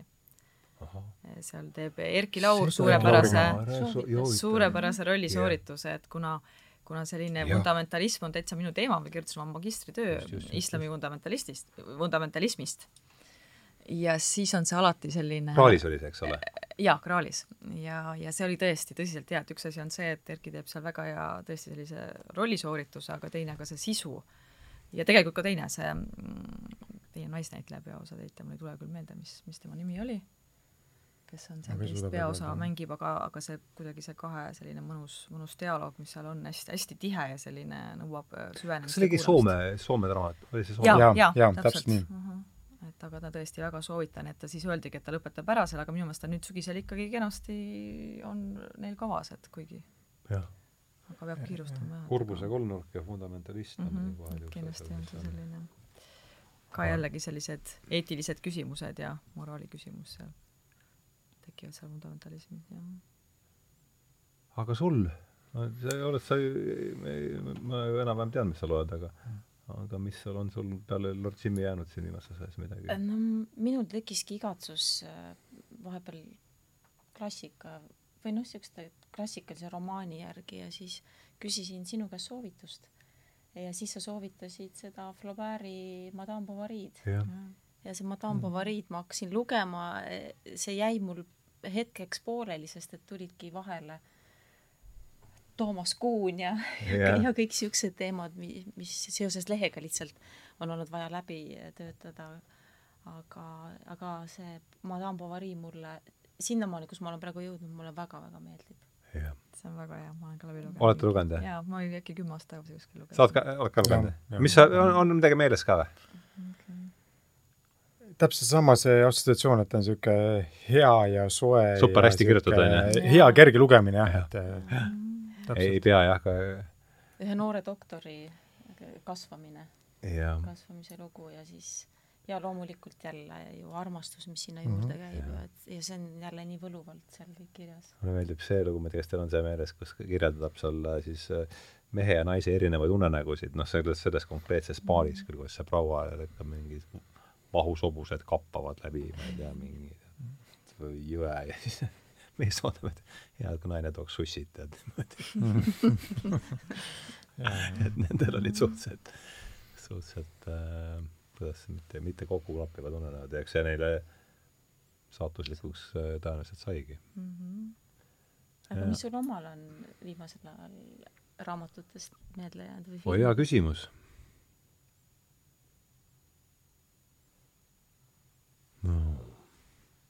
Ma ei tea, miks, see on ammu tagasi. aga kui ma, noh, et ma, et ma ei hakkaks pikka arutama, pikalt arutama, ikkagi vast see Kes kardab Virginia Woolfi mm ma ei tea, kas te käisite vaatamas seda seal ähm, Linnateatris, kus oli Andrus, Epp Eespäev oli, eks ole uh? -huh. Oleme näinud küll, aga mitte Linnateatri, ei oleme just Linnateatris, aga olid teised näitlejad, aga juba ka kas kümme aastat tagasi? ei, see oli rohkem veel. vist äkki rohkem jah. aga ma ei tea, see ei pruugi sama etendus olla. teda on siin ei, tehtud üht ja teistpidi, jah. jah, jah, jah, seda on palju lavastatud, ta on ju selline hea aines Elizabeth Taylor ja Richard Burtoniga mm. see oi main, no see on super. mulle väga ka meeldib see. milline tempo, milline dialoog, siis see on ja. väga hea, see on tõesti hea, mulle meeldib ka, see on täitsa minu, minu tassike teed. jah. et naljakas see jah, et eh, kui sa nüüd e-, esimese osa hooga küsid, siis ma vastaks selle, kuigi see on tegelikult ju, me filmi vaatasime ikka aastaid ja, ja mitu aastat tagasi, ma arvan oh,. nüüd viis, proovisime uuesti vist ükskord, aga siis jäi pooleli. jah, aga mitte kohe mitte sellest, et oleks kehva olnud, aga ei, no lihtsalt teised tegemised tulid peale ja. hetkel, aga nii kui esimesest, esimestest sekunditest hakkad vaatama, nii kohe ja. jälle köidab. milline tempo! kui noh, täiesti jah mm, -hmm. see on mhm. tõesti jah. on.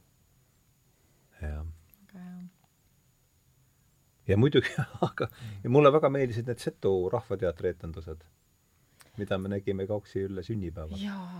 no küll oli vahva. rahvateater.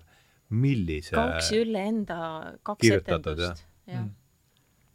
ühe mängis üks Tallinna, Tallinna trupp, Tallinna trupp ja. ja teise mängisid nad ise kohapeal, kes äh, Evar Evar Võits. oli ise pearollis seal. solist. solist ja, ja, ja siis kohalik Setu trupp seal, need olid mõlemad väga ja. hästi mängitud. hoopis teine helistik, eks, aga nii jällegi eh, noh, mingis mõttes, kui rääkida sellist emotsionaalsest mõjust, siis täiesti mm -hmm. võrreldav sellega, mis eh, nojah, ütleme see Olbi ja need, need, need olid natuke teisest, teisest, teise nurgaga, aga, aga väga jah, see jah, mingi niisugune ehedus või ikkagi noh, ehedus on vast see, mis seal ikkagi no see õhkkond vist loeb ka, eks ole, kui sa lähed nagu õigesse kohta ja seal on just õige tükk, eks ole, siis on, et ja. mitte nii, et tööpäevast väsinud, eks ole, seal ja, ja siis segase peaga lähed, istud sinna kuhugi saali maha, eks ole, ja, ja on ka veel niisugune konveieri siis... natuke niisugust teine, teinekord, mitte alati muidugi. jah, jah, aga on juhtunud jah, et äh, no ja alati see hästi kokku töötav trupp. muidugi, absoluutselt. entusiasm ja, ja niisugune rõõm seda asja teha, et see on võluv. tahtsin just korraks, tuletasin meelde selle fundamentalisti mm, naispea-osatäitja ka nime, et muidu jääb selline, ei ole võrdne, et on Liisa Saaremäel. et väga, ta kuskil, vii-, selles ühes filmis ka, Kalev, vot seal oli ta, mängis ah, Kuusmaa abikaasat, vot ka. jaa. aga seda olete näinud kuidas see oli? jaa, see meeldis. meeldis, tuli väga meelde see ajastu, et ma mäletan hästi, et kuna mu isa on selline sport, spordimees ja, ja vend ja tol ajal, nii et siis me ikkagi kõik vaatasime neid korvpallimatše, nii et selles mõttes hästi nagu samastusin ja. selle olukorraga ja selle, selle selle feeling uga, mis sealt tuli, et väga hea Eesti film jällegi, ma ütleksin. Need olid jälle, need olid ikka suured sündmused tol ajal, mina ja, mäletan ka oma lapsepõlves, need olid ikkagi mm -hmm. sul sama kindlasti? jaa, jaa, täpselt, kõik see olustik ja meeleolu, kõik tuli, kõik tuli jälle meelde, eks ole, ja lisaks see lugu seal taga. no kindlasti see jälle selline lugu, mis, mis mingi Oscari nominatsioon, eks ole, siin üle-euroopalist või maailma nagu vääriks, on ju, aga aga meie jaoks on ta ikkagi mm -hmm. nagu mm -hmm. väga oluline, jah. isiklik side tekib kohe mm. -hmm. just. absoluutselt. jah. no aga vaatame siis Jimmy juurde tagasi, kui me mm -hmm. oleme siin niimoodi panime et mis ta, mis meil siin, millest me veel rääkisime, ega siin ei olegi väga palju enam. oih. nii. meie kaasaegne. see on nüüd juba viies teema, millest me oleme rääkinud, see on siis tsitaat John Graylt, Briti poliitikafilosoofilt ja üks, jah, üks järeldus, mis ma enda jaoks sellelt kursuselt tegin et kui palju Gray, John Gray on minu noh, mõtlemist ikkagi mõjutanud ja kui mhm. oluline autor ta minu jaoks on olnud, sest ikkagi jah, ütleme, no nagu ma seal päris lõpus ka rääkisin, et et Gray oli ikkagi esimene, kes selle koorikusse lõi mingi niisuguse ma mõtlen sellesse koorikusse, mis on see kogu see haridus ja kogu see joru, mis tuleb, noh, ühesõnaga see õhk, no ikkagi see mingi dogmaatiline dogmaatiline selline kapsel seal ümber, et sellest lõi Gray esimese, esimese mõra, et sealt hakkas aimuma see, et on peale Aktuaalse Kaamera veel distsipliine, et, et, et kui oluline on Gray olnud minu jaoks, jah. ja see tsitaat, et Joseph Conrad on viimase saja aasta kõige olulisem suuri ühiskondlik-poliitilisi teemasid kõnelev romaanikirjanik. et äh, see on jah siis John Gray esseest äh, Joseph Conrad, meie kaasaegne oota, kas see John Gray nimi ütles, olid sa jaa, ma just tahtsin, mul tuleb kohe meelde see ta ütles ka selle lause, et meie pro-, probleemidel pole häid lahendusi, kuid me eelistame sellest tõsiasjast mööda vaadata. et mm. see oli see ka, mis nagu hästi kattub selle praegu, selle olukorraga, jah. Selle kohta arvamuse avaldamine vist eh, eeldaks sellesama John Gray selle kirjatüki lugemist, ma eeldan, et millest no ta, no ega see kahju, ega see kahjuks ei tuleks jah, selle ma paningi välja tookord. okei okay,, see oli olemas teil? jaa, see oli ole-, see oli olemas mm, -hmm. jah mhm no mingi kümneleheküljeline mm. -hmm. Okay. et äh, aga kas see, see, sina oled Grace'st, Grace'st oli meil ikka, on ikka olnud ta on jah, möödaminnes ma olen, olen tast kuulnud ikkagi, aga, aga mitte kindlasti süvitsi midagi, et äh, lugenud ei ole, lugenud ei ole, noh, see õlle, õles kavatsen nüüd lugema hakata kohe, jah. Mhm. jah. raamatukopi peale, jaa, selle õlle, õllekoortes John Gray kirjutab äh, samamoodi sellest Lord Simist ja seal on väike mm., väike alapeatükk on Lord Jimist, jah. Mm.. okei. No ma saan aru, kui ma ka hiljem seda Lord Jimmy, kas Vikipeediat vist äh, sirvisin, siis seal oli kirjas ikkagi, et teda peetakse ju möödunud sajandi saja olulisema ingliskeelse romaani hulk, nii-öelda hulka. Et seal on e-, erinevaid nagu niisugused lugupeetud institutsioonid on, on nii-öelda neid liste teinud, eks ole, ja ka on inimesi küsitletud, et ta nagu igal pool figureerib ikkagi, et mm. selles mõttes oluline. aga see Joseph Conrad, meie aja kangelane, oli see pealkiri, selle kirjandi või noh, see teema, eks ju ja.? jah. jah mm jälle mul kaks ei, mitte meie, mitte meie aja kangelane, vaid meie kaasaegne. meie kaasaegne, aga mul äh, kuidagi kangastus jälle jälle see eelmine Lord Jimmy saade, kus väga palju see Leo ja Sven rääkisid sellest nagu autundest. Et selle kaasaegse ja kangelase ja sellega mul kuidagi tuleb, et see Lord Jimmy's, Jimmy's autunne ja see uhkuse tunne mm. -hmm. ja, ja noh, see kangelase teema edasi viib sinna, et eh, sina minu arust ise loengus meil rääkisid sellest, et, et eh, Konradit loeti teise maailmasõja ajal seda rääkis Tiit Mm. seda rääkis Tiit ja seda Mm. ütles, kes oli Frederic Sassoon, Oliver Frederic Sassoon ütles, et et kui Esimese maailmasõjaga üldse midagi loeti kaevikutes, siis Konradit. see oli huvitav lause mm. jah. -hmm. see jäi ka meelde ja see on siis Esimese maailmasõja Esimese maailmasõja ajal, jah. okei okay. ja Gray kirjutas selle nii-öelda meie kaasaegne millal? sajandi alguses, ma arvan, kuskil okay.. see on tema selles kogumikus Grey's Anatomy, mis ma arvan, et see ilmus kusagil sajandi alguses, jah. noh, see on siis, millal ta selle täpselt kirjutas, mul ei võtnud kaasa ka seda, aga aga jah. et äh, tahad sa selle, sina ei kirjutanud sellest, ega jah? ma kirjutasingi esimesed kirjandid ja siis tuli, siis juba tuli lehe, lehe tegemine ja ma olen ju kirjutanud siin seda laiemalt lahti ka.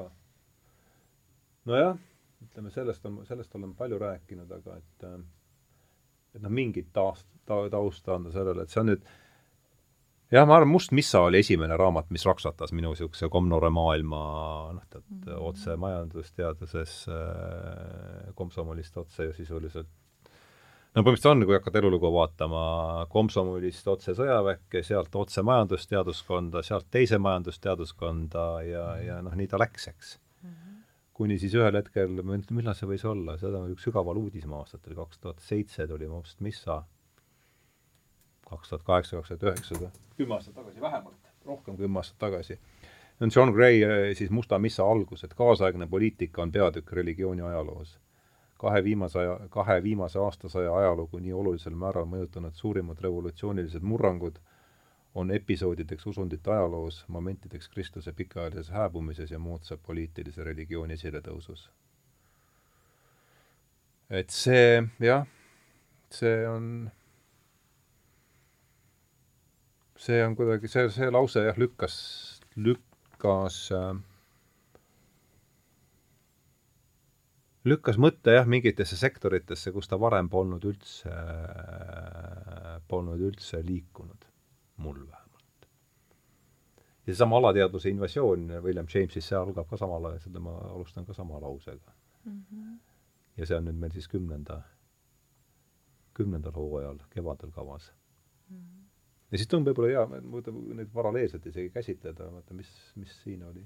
ma võib-olla ütlen vahele selle, et kui sa ütle selle John Gray äh, õlekoerte peale jutt läks, et siis mina sealt õlekoertest äh, noppisingi välja hoopis sellise tegelase nagu?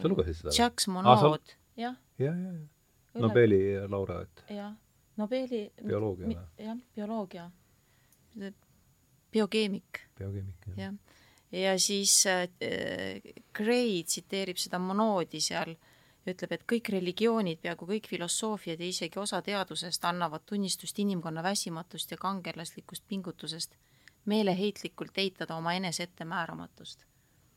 ettemääramatust? ettemääramatust, jah. ja siis ähm, noh, kuna ta oli bio, biokeemik, tema oli DNA uurija ja ja okay, jah, jah. aju ja ajuraku uurija. jah, nüüd ma saan aru, jah, mis ta mõtleb. siis, äh, siis see on väga huvitav, kuidas, kuidas see Gray nagu selle monoodi kaudu tuleb ja hakkab arutlema selle Mono, monoo kaudu.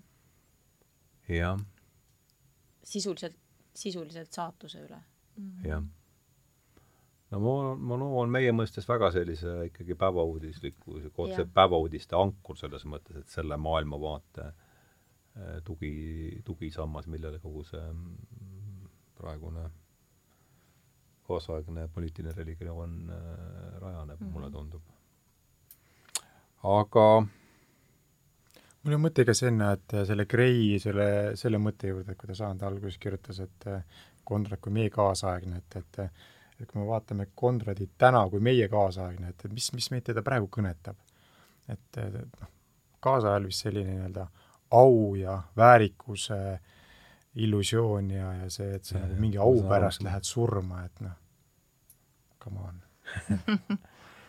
Ja ma arvan, et seal on just see võti on, ma arvan, see, et mis see teine lause oli, et äh, Joseph Conrad on jälle Gray lause, eks, et ta on viimase saja aasta kõige olulisem suuri ühiskondlik-poliitilisi teemasid käsitlev romaanikirjanik, et see impeeriumi tagasitulek äh,, sõjad ja kogu see äh, et noh, kui vahepeal oli selline noh, see, mida ma arvan, kui see oli küsimus, et et kui vahepeal oli selline tunne, et nüüd noh, Berliini müür oli langenud, et nüüd lähemegi tead otse vamuš äh, sinna helge, helge tuleviku poole ja aga et äh, noh, suur kapitalistlik maailmavabariik ja rahu ja kõik saavad rikkaks mm -hmm. ja, ja mis kõik veel, eks. no aga sellest oli ka juba tükk aega tagasi, eks ole, et, et ja, kõik on nagu äh, kas te sala, kas te salakuulajad olete, olete, kas te olete Konradist lugenud veel midagi? ei aga seda ma tahaks lugeda. salakuulaja. seda, kas Tiit Aleksejev Tiit rääkis sellest, jah. nii põnevalt, et see läks nii huvitavaks ja, ja mina tahan just äh, tegelikult öelda seda, et, et minu meelest äh, äkki see üldse hea, et me, me ei räägi täna sellest, ma ei tea, rohkem südametunnistusest, aust, et me räägime kõigest muust, aga mitte nendest teemadest, et ma ei tea, kas on ilmtingimata hea, et ja ka surmaminek ja, ja kõik sellised äkki no hea, jah, hea või halb, aga tundub, et ta sinnakanti on läinud jah, et need äh, justkui tunduvad olevat aga eks nad tulevad tagasi, ma arvan, need teemad. vaikselt tulevad ikkagi üha rohkem ja rohkem. pääsu neist tundub, et nii väga ei ole, et kus meil jäi see aa ah,, salakuulajas on ju see, mhm. et eh, noh, see otsene paralleel, ma arvan, Gray jaoks on see sama kaksiktornide, ma arvan, et see on selle kaksiktornide ma miskipärast arvan, et see Konradi lugu on kirjutatud pärast kaksiktornide kokkuvarisemist. sest seal salakuulajas on ju suur plaan lasta jällegi no nagu, nagu Al-Qaeda ründas seda siis maailmakorra sümbolit mm, -hmm. kaubandust ja seda kaksiktorni, siis mm -hmm salakuulajas ja tehakse terrorirünnak või üritatakse teha selle samasuguse sümboli vastu, milleks võetakse see Greenwichi observatoorium mm, -hmm. et see on teaduse ja sest see, kes neil see põhiniiditõmbaja seal on, et, et kui saaks panna pommi puhta matemaatika alla, et siis see oleks kõige parem kuna see pole võimalik, siis tuleb valida äh, tähetorn, et äh. aga see ebaõnnestus, eks see ei toimi see ebaõnnestus mm, jah, see lasi see poiss kuidagi, kes selle kohvri pidi sinna viima mm, -hmm. lasi ennast ise õhku ja, ja siis see naine, see oli ta, see oli ta vend, eks? jaa, vend oli jah. vend oli jah mm. -hmm. kus sa tead seda? Tiit Aleksejev. Tiidu, ah, Tiidu jutust, okei, okei. jah nii et jah, salakuulaja, sa, sa rääki-, sinuga me rääkisime viimati, kui me seal olime Pimedase südames sellest, seda, seda sa ei ole sa ei, ei.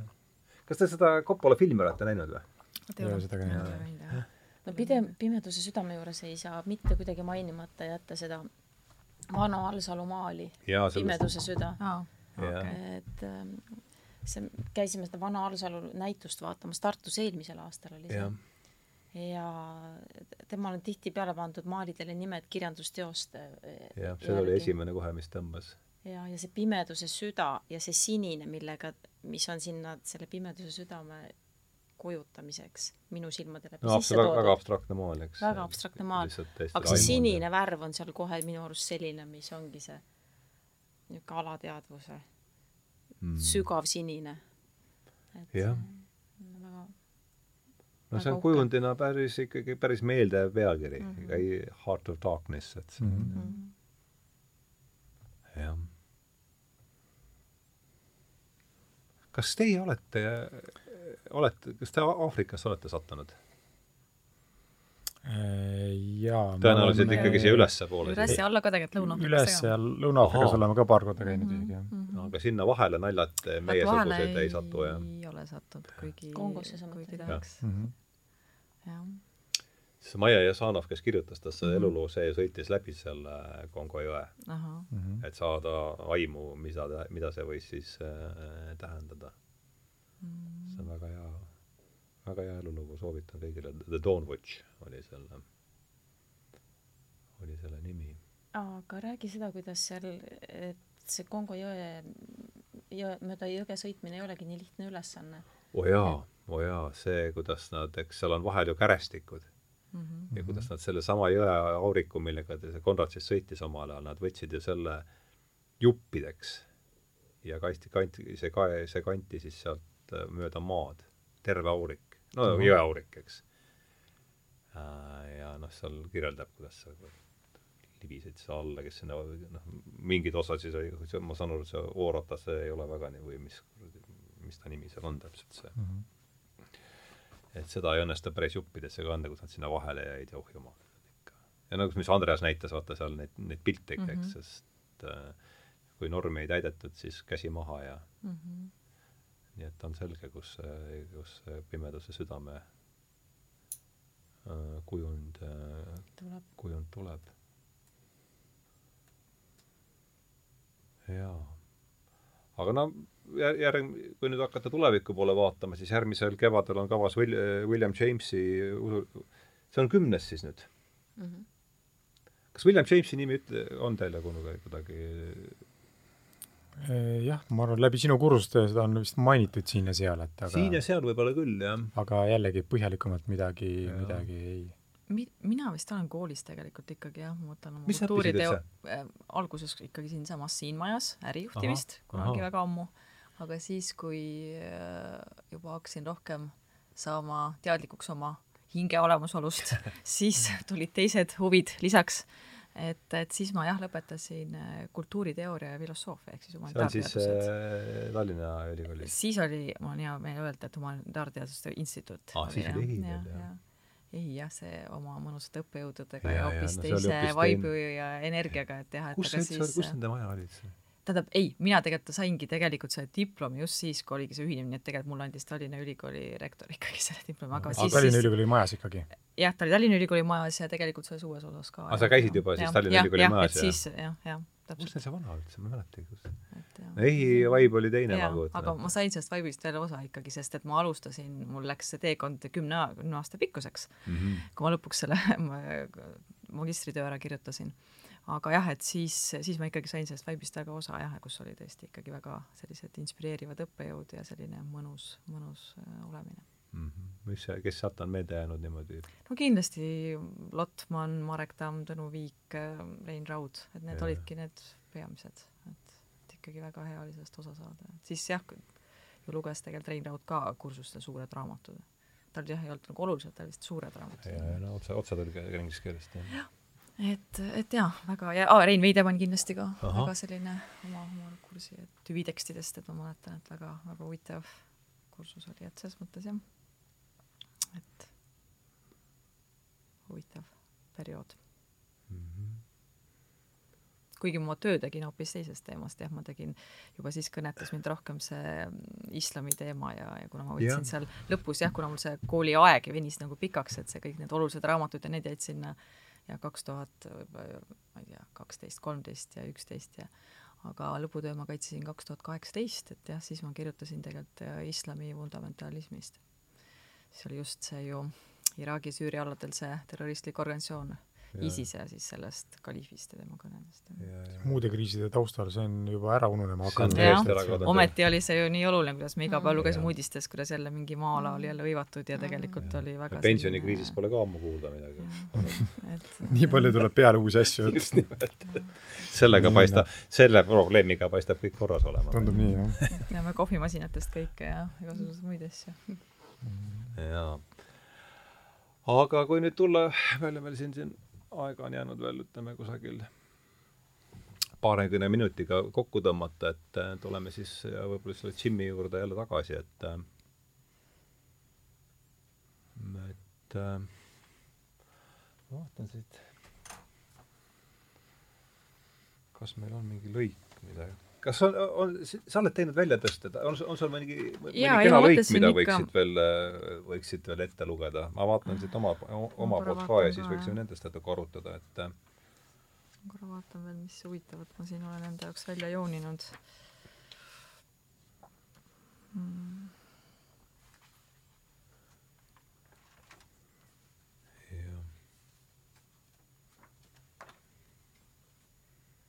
no mul on ikkagi jah see ma loen ikkagi selle, mis mind see inglise keeles, just selle inglise keeles, kuidas see, no see on põhjus, miks ma ta valisin. ma üritan nüüd oma ralli eesti, ralli, ralli inglise keele hääldusega, aga aga jah, see on see lõik, mis, mida, millele viitab, millele viitab Hillman oma siis sellest Jungi seminari alguses. ta ütleb küll, et jah see tsitaat Lord Jimmist on siis järgmine inglise keeles. A man that is born falls into a dream, like a man who falls into the sea. If he tries to climb up, if he tries to climb out into the air, as inexperienced people endeavor to do, he drowns.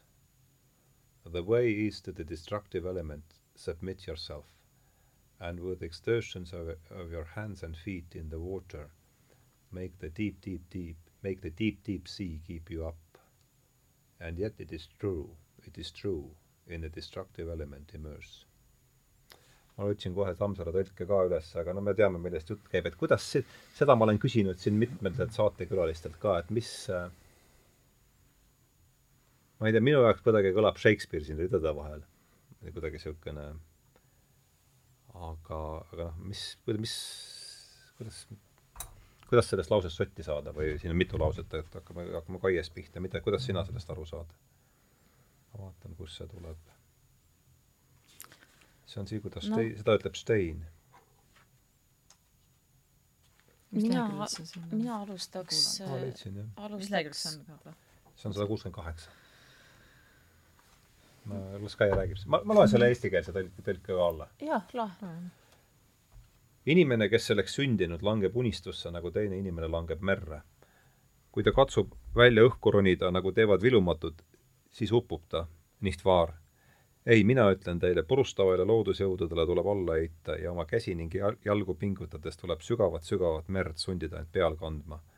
nõnda on lugu, kui küsite minult, kuis olla. see ole päris üks-üheselt, see ei kattu mitte kõik, ühesõnaga jah, aga põhimõte on, on, on siin, et ja seda ütleb siis Stein, eks, kui ta läheb kauplema Jimile seda väljapääsu patusani, et kuidas sina sellest mm, -hmm. või see olekski, ma arvan, üks viimase arutluseks hea. sest noh, see, kui, need read on konkreetselt see põhjus, miks ma Lord Jimmy valisin, sest mu, mu esimesel lugemisel ta ei, ei mm, -hmm. nagu ma rääkisin, ta ei jätnud mulle väga suurt noh, ei puudutanud mind nii, aga, aga nii mm. -hmm. räägi sina. ei, kui sa selle eestikeelse lõigu ette lugesid, siis mul kohe eh, esimene mõte, mis pähe tuli, oli see, et Laine Jupu. jah. aga taust on see, et seda ütles Peterson kunagi, et kui sa sõi-, mulle see lause, ma hoian seda endal meeles, et kui sa sõidad kümnemeetrise laine kohe peale, et siis võid ühes kinna, võid ühes kindel olla, et laine ei upu mm. -hmm. ja noh, eks see läheb jälle sinna sellesama inimeseks olemise juurde ju, ju tagasi ja ja see lõik minu, minule kõneleb ikka sellest, et, et äh, selleks kas, et me, et inimestena me peame läbi ra-, raskustest läbi kõndima või raskustest läbi minema, et see kõik, mis tuleb kergelt, et äh, noh, see kuidagi ei ole päris, et see ei ole jääv, aga kui sa ikkagi nagu reaalselt mingi väga, väga tõsised hetked oma elus läbi elad ja sellest läbi tuled, et noh siis destructive element. just. et punkt üks, õpid iseennast tundma, õpid iseendaga hakkama saama ja no eks see on ju nagu paljude probleemide puhul, et väga hea on, et kui sul on kõik inimesed ümberringi ja, ja sõbrad toetavad, aga tööd pead sa ise tegema en-, iseendaga ikkagi ise. et sellest saab kõik alguse, et sinu tahtmisest ja sinu, sinu töö tegemisest iseendaga. Et kui ma seda lõiku kuulan, siis mul kuidagi tuleb, tuleb silme ette mingi niisugune hetk elust, kus sa kus sa nagu kukud mingisse noh, sügavatesse probleemidesse, sa ei saa nendest äh, kiiresti jagu, sellepärast et kõik asjad vajavad aega. Ja siis sa lähed ja lähed ja kannatad ja lähed ja siis ühel hetkel tuleb see laine, mis, mis tegelikult äh, viskab su jälle nagu ilmselt jah, mingi, mingi ikkagi usaldus ikkagi ka elu, elu vastu, ma kujutan ette et vist. jaa, et mingi hetk lastega võib-olla elul kanda, et vahel on ka see, et kui et sa hästi hakkad rabelema, siis upud et kui sa hakkad punnitama, ma ise olen kogenud seda, et tõesti, et kui, kui kõike tahad nii kangesti nagu jah, sättida või kuidagi, et siis see ka nagu ei päde, et sa kuidagi pead nagu mingi hetk ka usaldama seda, seda ümbrust ja kuidagi laskma kanda, et ja minu meelest see on ka hästi oluline. jah, lasta sügavat, sügavat merd kanda. see on ilusti öeldud mm. -hmm. Deep sea. Ain? mulle meenub siin üks äh, üks mõttetera, mida mina olen, olen eh, oma elus päris palju kasutanud, on see, et ähm, et lõpuks on kõik hästi. jah, ja kui ei ole hästi, siis ei ole lõpp veel. hästi, siis ei ole veel lõpp käes nii et eh, oota rahulikult lõpp ära. jah, see on väga hinge, hingesugulus on siin küll selles, selle, sellega jah, et see jah, täpselt see... ei maksa alati rabeleda, tuleb oma, oma saatust eh, usaldada ja, ja. ja uskuda, et lõpuks on kõik hästi. jah, mulle tundub ka, et usaldus on siin selles äh, selles lõigus siis see keskne mm, -hmm. keskne mõiste võib-olla. jah, ja ma ei tea, kas see oli jälle Tiit Aleksejev, kes ütles äh,, rääkis sellest romaani kirjutamisest üldse ja ütles, et noh, et et kui võtta, et meri, et mets ja meri, et need on väga sügavad kujundid, et kui need, kui läbi nende kirjutatakse, et siis on tõsised teemad taga. ja siis ma vaatan, ma olen seal Tiidu loengu lõppu kirjutanud äh, ühe mõtte üles, mille ta võttis sellest Konradi duellist ja mulle tundub, et praegu siin äh, see kuidagi sobib, et elu on mets, kuhu kõik on teel, ainult radu ei ole. Mm -hmm. Ja mulle meeldib just see ka, et täpselt see ustavus iseendale, võib-olla see truudus iseendale, et just see nagu see side ja kontakt tegelikult iseendaga, et noh, et see on hästi oluline, et üks asi on see võitlus iseendaga, eks ju, mis võtab selle Jimmy tegevuskuju kokku, et aga ja. ka siis see selline ustavus ja võib-olla, et et ei loegi see, mida, mida see teised või ümbritsev arvab, et ikkagi mm -hmm. see oma nagu side selle, ükskõik, kas mm -hmm. siis mhm. südametunnistusega või oma sellise auga või ja. oma truuga, et tegelikult see ju loeb päeva lõpuks, et no ja pluss veel see, et see mina on ikkagi dünaamiline nähtus, et võib-olla kõikidest nendest lausetest, noh, ütleme, kui seda teekonda võtta, see kaks tuhat kaheksateist alguseks, kui oli esimene saade eetris, eks, et siis on noh, see on ikka räägitud ja arutatud seda asja ühe teise kandi pealt, et see on meil saja seitsmekümne viies saade, kakskümmend viis lehte kolmeteistkümnes kursus on praegu, eks ole mm. -hmm. et asja on jah, no ei saa öelda, et ei oleks mingite asjade üle mõeldud mm. -hmm. Aga et võib-olla jah, et mis siit on meelde jäänud mingit, et see ikka seesama Richard Tarnase lause. Sealt äh, üheksanda lehe intervjuust, et, et Jungi arvates on meie see sõdalase ja see, see sõdalase ja see, mis on ei, räägi, räägi ja mõtlengi, see oli jah üks hea lause, et mul, mul isegi kuskil üles kirjutatud see. Tarnase, Tarnase. just, oli see Tarnas. meis kõigis on sees armastajad sõdalast. aa, see ja, ja, ja, jah, see ja, ja, ja see, see on, see on teine, teine asi, see on väga, see on ka väga oluline, see on see polüteist mm, -hmm. polüteistlik printsiip, et meis kõigis, no kõigis on kõike mm. -hmm. siis, kui me Eikiga jalutasime alla pärast seda viimast kokkusaamist, siis, siis me kuidagi jah, et see, siis sellega alla jalut-, trepist allatuleku käigus kuidagi see jah, sõnastusvorm, et noh, kõiges on kõik jah, et meil on ma tõin küll seal selles viimases kokkusaamisel näiteks selle, et noh, et on meis kõigis Ivani, Aljošat ja, ja kui nüüd seda Karamazovit teed minna, aga aga see ei olnud see, mis ma siin tahtsin praegu, see oli küll, see oli, see oli tõesti tarnas. aga ma ütlen selle välja igaks juhuks ka, et siis kuuleb, et meis kõigis on peidus sõdalase, poeedi, armastaja ja reeturi arhetüübid. jah mm -hmm., jah, et kõigi jah, et see, need on meis kõik, ikkagi see polüteistlik printsiip, et äh, ei ole üks niisugune teadvuskeskus mis kõike kontrollib, vaid see lause, et mis Peterson, et kui ma Petersoni hakkasin kuulama, et is-, isiksus on alamisiksuste kaootiline jõuk või mida, või anarh-, anarhiline jõuk või midagi sellist, et see mm -hmm. minu meelest la-, haakub selle, selle elutunnetusega, mida, mida ka Konrad esitab, aga mis ma tahtsin, mida, mis, mis ma siin konkreetsel juhul tahtsin öelda, et see, et meis kõigis on peidus meie, meie tuleviku mina, mis tõmbab enda poole neid raamatuid ja kohtumisi ja mis siis aitavad äh,, aitavad, aitavad siis sellel tuleviku minal sealt äh, realiseerida, et see tundub mm. minu jaoks võib-olla üks mõtteid, üks mõtetest, mis ma olen sellelt teekonnalt kaasa võtnud, vaata sa no, noogutad kaasa, et tahtsid, tahtsid. ei, ma olen täiesti nõus, ma lihtsalt jäin mõtlema selle selle Lord Jimmy selle Browni peale, et kus nüüd Brownil on armastuse ja, ja, ja need, need osad seal peidus, et, et, et võib-olla alamisiksused, jah, et ja. et võib-olla tema oli liiga või noh, oligi väga niisugused ühekülgsed ja väga niisugused aga tal on ju ka üks päris liigutav armastus nagu Brownil tegelikult, mida ta visandab, tuleb sulle meelde see või? Brownil ja oma naisega, eks, kus ta jaa, ta, ta õige oli küll, jah. ärandab ja, selle missionäri täpselt, proua sealt ära. proua ära, kes jah, just, just, oli küll kes ta kes sureb tal vist kohe seal laevas või midagi okay.. ja nii et see oli ka päris niisugune okei okay,, et äkki see oli niisugune traagiline lugu siis, et yeah. millel olid oma tagajärjed tema jaoks ja tema yeah. isiksuse jaoks võib-olla jah, tõesti. okei okay,, ma olin ülekohtune tõesti, võib-olla küll, jah. jah, tal oli ka see lugu seal, jah, see mm -hmm. ikka see headuse pool on ka kõigis meis. või vähemalt on olnud kunagi. ei ole ainult tume vari, et, et jah, et lihtsalt see tuleb sealt üles leida. jah, ja ikkagi need nojah, see arhetüübi mõistet me ei ole kasutanud palju, aga täna me ei ole, täna see mõiste polegi läbi käinud, aga me oma, kuidas sina kasutasid seda mõistet päris palju vahepeal? arhetüüpi ja et mis, kuidas sina, kuidas sa sellest aru saad, sellest?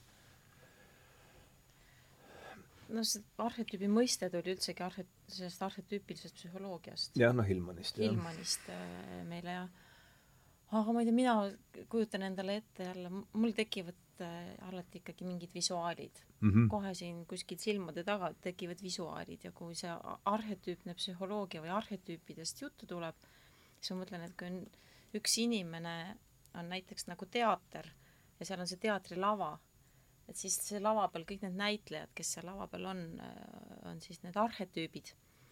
ja igalühel on oma roll, aga mõne, mõnel on peaosa mm -hmm. ja, ja mõnel on kõrvalosa. no see on mõnes mõttes seda anarhilise, anarhilise jõugu liikmed siis võib ka nii, kas võib nii ka öelda või? just mm, -hmm. just, et see on see, kuidas mina sellest aru saan ja need, et, et need, kui me räägime inimese puhul ja selle arhetüüps-, arhetüüpse psühholoogia puhul, et siis need kõik on meie sees olemas, need näitlejad, see lava on siin meie sees ja siis äh, erinevatel aegadel lihtsalt ja. keegi neist saab selle peaosa omale. ja need tulevad mm -hmm. väljast ja võtavad selle molekuli kuhila, ma arvan, et see on see, kuidas see vist ilmselt selles jungiaanlikus psühholoogias käides ja mingi need, need arhetüübid asuvad väljas ja võtavad siis selle molekuli kuhila, keda me endast kujutame, see materialistlikus mõttes mm -hmm. siis korraks üle, ma saan niimoodi aru mm -hmm. sellest asjast. ma ei tea, kuidas ja, ja kui mängukava on kogu aeg äh, komöödia, eks ole, siis saab üks, üks tüüp seal ja. nagu peaosa ja kui, kui mängukava rohkem nagu draama või traagika, eks ole, siis mingi teine, et, et see just. ja et oluline on kõiki neid, et, et oluline on mitte nagu siis eitada, et, et need teised on ka olemas, vaid et ikkagi mida rohkem me neid teisi äh, tegelasi sealt tundma õpime, et seda paremini mm -hmm. saame me ka iseendaga läbi. et see on ahaa, ja see on päris hea, hea asi, millega lõpetada tegelikult, järgmine saade on meil kahekümne teisel. ja see ongi James Hillmanist. me ei ole Hillmanist eraldi ühte, ühtegi saadet teinud. aga noh, Hillmani nimi on käinud, ma ütlen, et see nagu ma siin eel, eelpool kirjeldasin, et niisugune alguses oli niisugune, ütleme, Sheldrake'i tsükkel, siis tuli Hillmani oma ja nüüd noh, tundub, et Shakespeare tõmbab et äh, olid, kas sina olid Hillmanist kuulnud varem, sellel kursusel oli tast palju juttu? no ikkagi oli päris palju, eks? jaa, ei, tegelikult ei olnudki, olin ei selles tähendustöö teejuhtis tegelikult sealt vist mingit artiklit juba suvel, aga no, sealt on nagu läbi kursus, käinud, jah. jah, ja siis kursuseks tuli septembris, et, et, et ei olnud kuulnud. mis sul temast meelde jäi? ei, need vähesed korrad, kus sa teda tutvustasid ja seal mingid tsitaadid, siis need küll väga kõnetasid ja ma mõtlesingi, et ja isegi jaa, me vaatasime Youtube'ist ka ju mingit, äh, mingit lõiku, et äh, jaa ja ta kõnetas mind ja täitsa väärib edasi uurimist minu jaoks, et ta tundus, et see, need seisukohad kuidagi olid sellised ta on olnud, olnud jah, erakordselt inspi-, no ikka põhiline, ütleme, viimasel kahel aastal niisugune kõige inspireerivam tegelane vast küll. aga sa Petersoni ka veel jälgid või?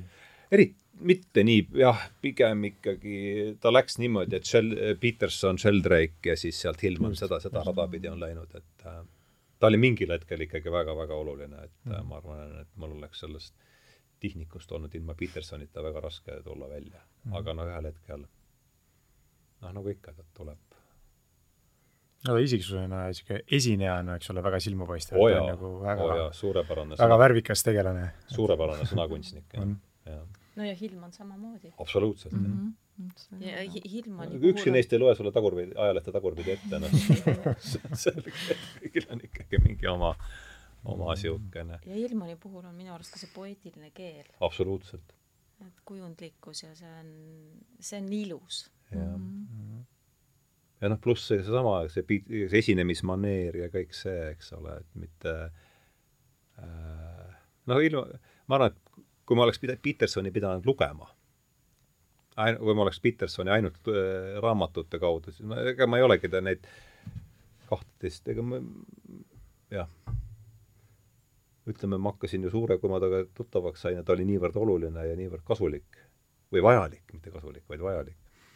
et siis ma hakkasin ju tõlkima seda tähenduse teejuhti, kust on see nimi ju, eks ole, tulnud mm. -hmm. aga jah, et tal on ikkagi see, ta on ikkagi eelkõige noh, selles mõttes, et äh, peale selle kirjasõna tuleb veel ikka midagi, see isiksus kaasa, mis tuleb Youtube'ist, et ilma Youtube'ita, ma arvan, poleks Petersonil olnud mingit šanssi, et äh, et ainult kirjasõnaga ta ei oleks, ma ei usu, et ta oleks noh, kuhugi jõudnud üldse mm. -hmm. aga jah, see on see suur muutus, mis meil, mis meil on. kus, kas sa, sinu ajal me, kui sina käisid, siis me Ilmanist ei rääkinud, sul on, on tast jäänud midagi? ei, pigem see Ilman vist jah, jõudis sinuni natuke hilisemate kursustega, eks ole. ja, Reimoga tuleb, tuleb ju saatesse, tulebki järgmine, kes oli ju, tänu, ma sain Reimoga tänu sinule tuttavaks. just, just. no Reimo on jah, siin erinevaid eh, psühholoogiaalaseid kursuseid võtnud ja see on tema tema jah, täpselt, nii et ma ootan põnevusega seda, aga mm. aga mis sinul äh, on jäänud Ilmanist? Ma ei tea, kui palju, kas ma teen reklaami või räägin midagi ette ära, aga et meil laupäeval ilmub ju see Tähenduse teejuhtide kahekümne viies number. jah, ei muidugi sellest tuleb ja, ja see on depressiooni, depressioon on juhtteemaks ja mm., ja minul ju ikkagi üks ankur on seal Hillman ja.. jah, jah. seesama lõik kusjuures, mida ma näitasin mm. päris kursuse lõpus. See mulle endale väga meeldis. see oli väga hea et oli, ma seda ära ei sulle meeldis ka, jah? jah, seepärast ma mõtlesingi, ma võtan ta kohe ette mul, et kui nüüd saab selle Konradiga ühele poole, et ja. siis ma mõtlesin, ma just hakkan seda ilmet uurima, et see mulle kuidagi meeldis rohkem kui Shel-, ma olen Sheldrake'i ka niimoodi põgusalt ka mm -hmm. veidi käinud kaasas selle ajaga, aga aga kuidagi see ilm on praegult on mind isegi rohkem, et jah, jah, need tema kujundid kõik, et meelepõhi on poeetiline ja ja, ja ma ei räägi ära seda, sellepärast et siis siis on seda võimalik äh, lehest lugeda. aga see oli ilus lõik ja mulle sellega läks ka kuidagi. aga no ma võin vihje anda selles suhtes, et, et tema räägib depressioonis olevatest, depressiooni põdevate inimeste ravimisest ja, ja ütleb seda, et juhtteema ongi kahekümne juubelinumber mm. -hmm. depressioon. depressioon on juhtteema, jah. et, et inimesel on vaja sidet ja ühendust. Et mitte ainult siis äh, iseendaga, vaid teise inimesega ja ka loodusega. Mm.. ja et see, et äh, kuidas need ilusad looduspildid ju maa- ja maastikud, et kuidas need aitavad tegelikult depressioonis inimest, et need aitavad ühendust luua, et, et sa saad osa oma sellest suurest kurbusest anda ära loodusele, noh piltlikult siis noh, see ei ole niimoodi, et ma võtan siit ja annan, aga sa saad anda ja sa saad midagi looduselt vastu. et et see on see, mis mind väga, väga, väga puudutas. jah. see on nädalavahetuse Postimehe alustaja, siis saab. jah, me laupäeval ta, ta saab ka sõlmida nüüd juba eraldi muuseas ehk siis need on tegelikult ju kõik lihtsad tõed, aga me nagu ja. unustame selle ära, et ei ole ju midagi ja. nagu ja. raske mõelda, et, et tõesti, kuidas loodus annab, aga kuidagi jah, sa selle ma arvan, et nende lihtsate tõdedega on nii, et nendest tuleb rääkida ikkagi kaasaegses keeles mm. sest kui nad jäävad, see lihtne tõde jääb sellisesse tead äh, tuhande üheksasaja kolmekümnendate aastate keelde, siis ta lihtsalt, tal mm, -hmm. tal ei teki šanssigi. Nagu sest mida see Peterson, mida see Peterson mm siis meile nüüd nii väga uut räägib? Ehm, ma ei ütleks, et väga palju, aga ta teeb seda kuidagi niimoodi, et see nakkub, noh mm -hmm.. sest ikka, sest noh, seesama lause vaadata seda, kogu seda tralli, mis siin on toimunud viimastel aastatel, mis ta ütles, mul see äh, kaks tuhat seitseteist või kaks tuhat kuusteist, kui Kanada senati komisjoni istungit vaatab kolmsada tuhat inimest, nagu siis oli, kui see, kui ta, kui ta seda, seda tehelenne algab, siis võite olla päris kindlad, et apokalüpsis on lähedal, mm.. ja noh, et see, et millegile ta sai pihta, rääkis sellest kaasaegses keeles, nii et see läks korda ja ja noh, Hillmanil oli ilmselgelt samasugune jah ja siis kas tulebki siis see, et, et see vorm on tähtis, et noh, et, et sisu jääb ju nagu samaks, aga kas me oleme siis ikkagi vormitundlikud või? no ju me oleme ikka jah. noh, keel ju areneb ja mõte ja kõik mm. areneb, et sellest tuleb rääkida. arusaadavas keeles. mida? arusaadavas keeles on vaja rahvaga rääkida, eks ole. jah, jah, aga noh. sobilikus märgisüsteemis jah, nagu Lotman käsitles. jah see muutub jah, nagu ju tegelikult Maarja Vainogi äh, ütles, et see, et ka tõlget ju, eks ju, korrigeeritakse mingi, kas see, mis ta ütles, paarkümmend aastat on ja siis tuleb see tegelikult uus tõlge, et, et lihtsalt see tõlge vananeb. nojah, aga teisest küljest jälle vaata, mingi kusagil on see arhailine keel on jälle, jälle noh, täpselt on jälle nii, ja teisiti, et noh, see piiblist vaadates mulle ikkagi meeldib see Shakespeare'i aegne King, King Jamesi versioon, et nüüd, kui neid uusi vaadata, siis sealt on kogu see jällegi see nii et noh, vot nii ja naa, eks, aga noh, kokkuvõttes ikkagi ma arvan, et et tuleb ikkagi rääkida kaasaegses keeles ja ja tuua need äh, ehk teiste sõnadega isegi pigem need tuleb läbi mõelda, need teemad. Mhm. ja kui need on läbi mõeldud ja läbi tunnetatud, siis saab neist rääkida ka kaasaegses keeles, ma arvan, eks. ma ei tea, siin niimoodi käigu pealt pakun.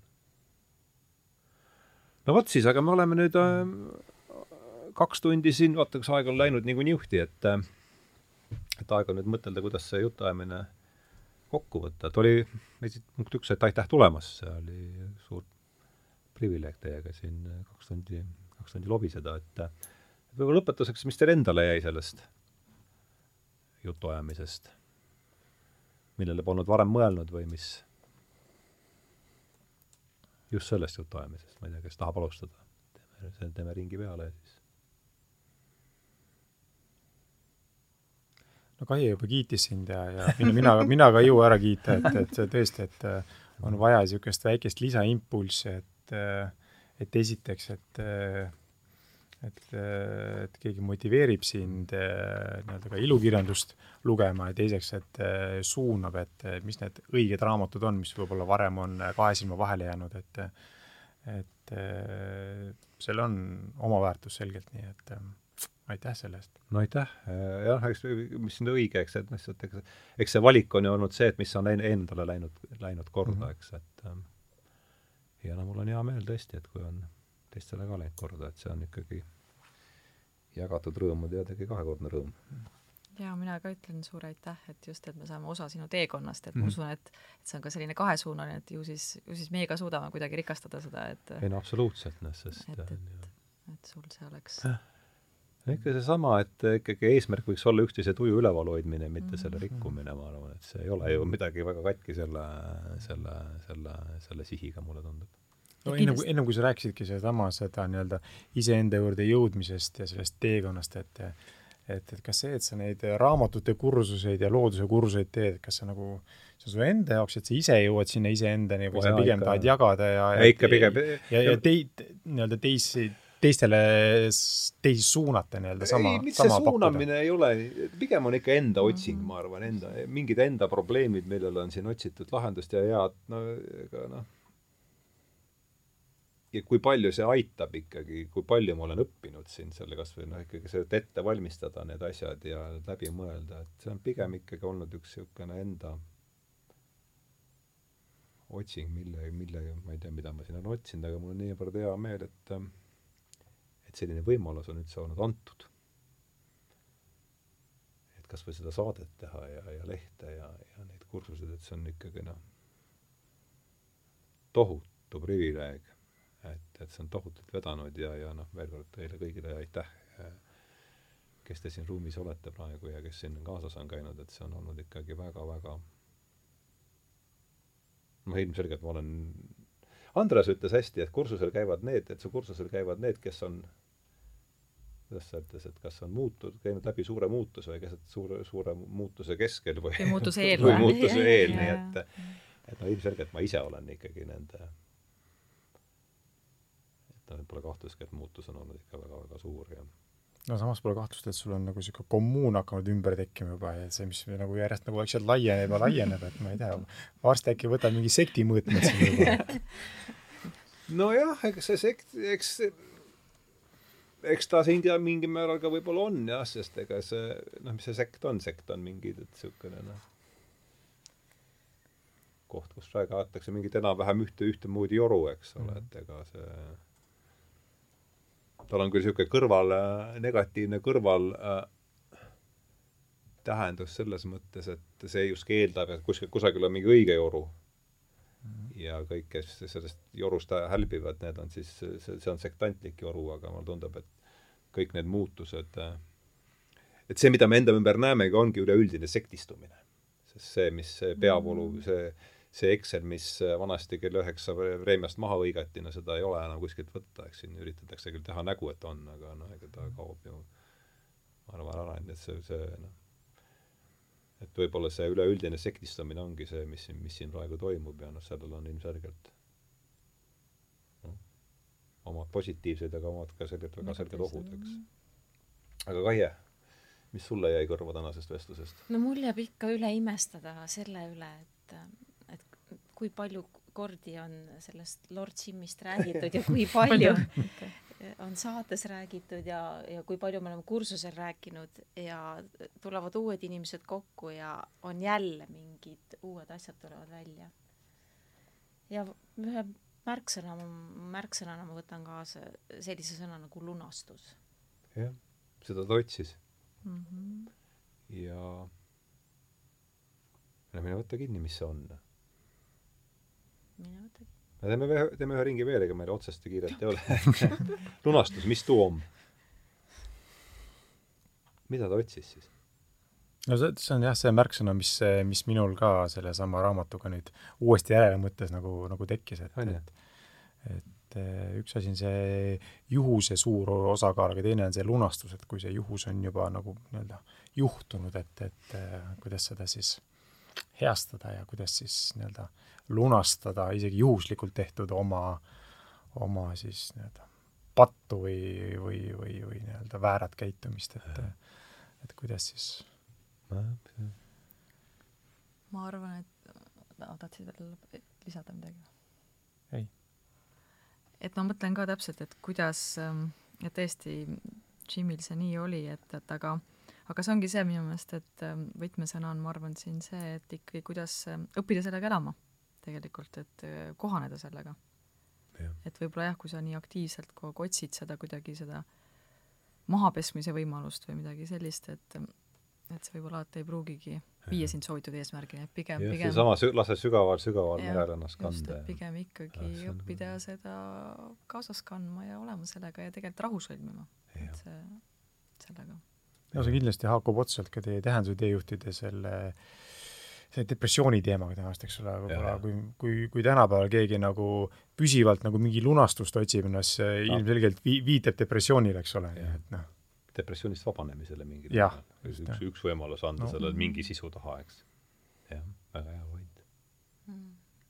väga hea. jah, ja kui ma jätkaks lihtsalt edasi siit veel, et et, et Jim, Jim seda sellisel kujul siin raamatus ära oodata ei jõudnud, aga, aga et kui ikkagi nagu järjepidevalt siis oma seda noh, neid kannatusi läbi elada või et siis nendest läbi minna, et siis ühel hetkel antakse sulle need, antakse sulle midagi tagasi, antakse palju suuremal moel.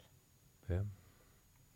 aga selleks tuleb ennast lasta sügaval-sügaval merel mõndaga kanda, sest rapsima hakkad siis, väidab, väidab Konrad. no nii ongi, et, et Jim oli nagu see näide, kus siis rapsis võib-olla. jah, aga see on, jääb ka lahti, eks ole. see jääb ka lahti, nagu kõik need asjad no aga kena, tõmbame siis talle tänaseks selle jutuajamisele joone alla, et suur-suur aitäh teile tulemast, Ain Kivisaar, Agne Kivisaar ja mul oli ja, ja Kaie ja, ja, ja Eerikule, Eerikule siis puldis, et ja aitäh kõigile neile, kes on selle saate teinud võimalikuks ja ja seda teed siin tatsata, et lähme siis lahku ja taas suuremate sõpradena, nagu enne olime. Aitäh! aitäh! tehtud, aitäh!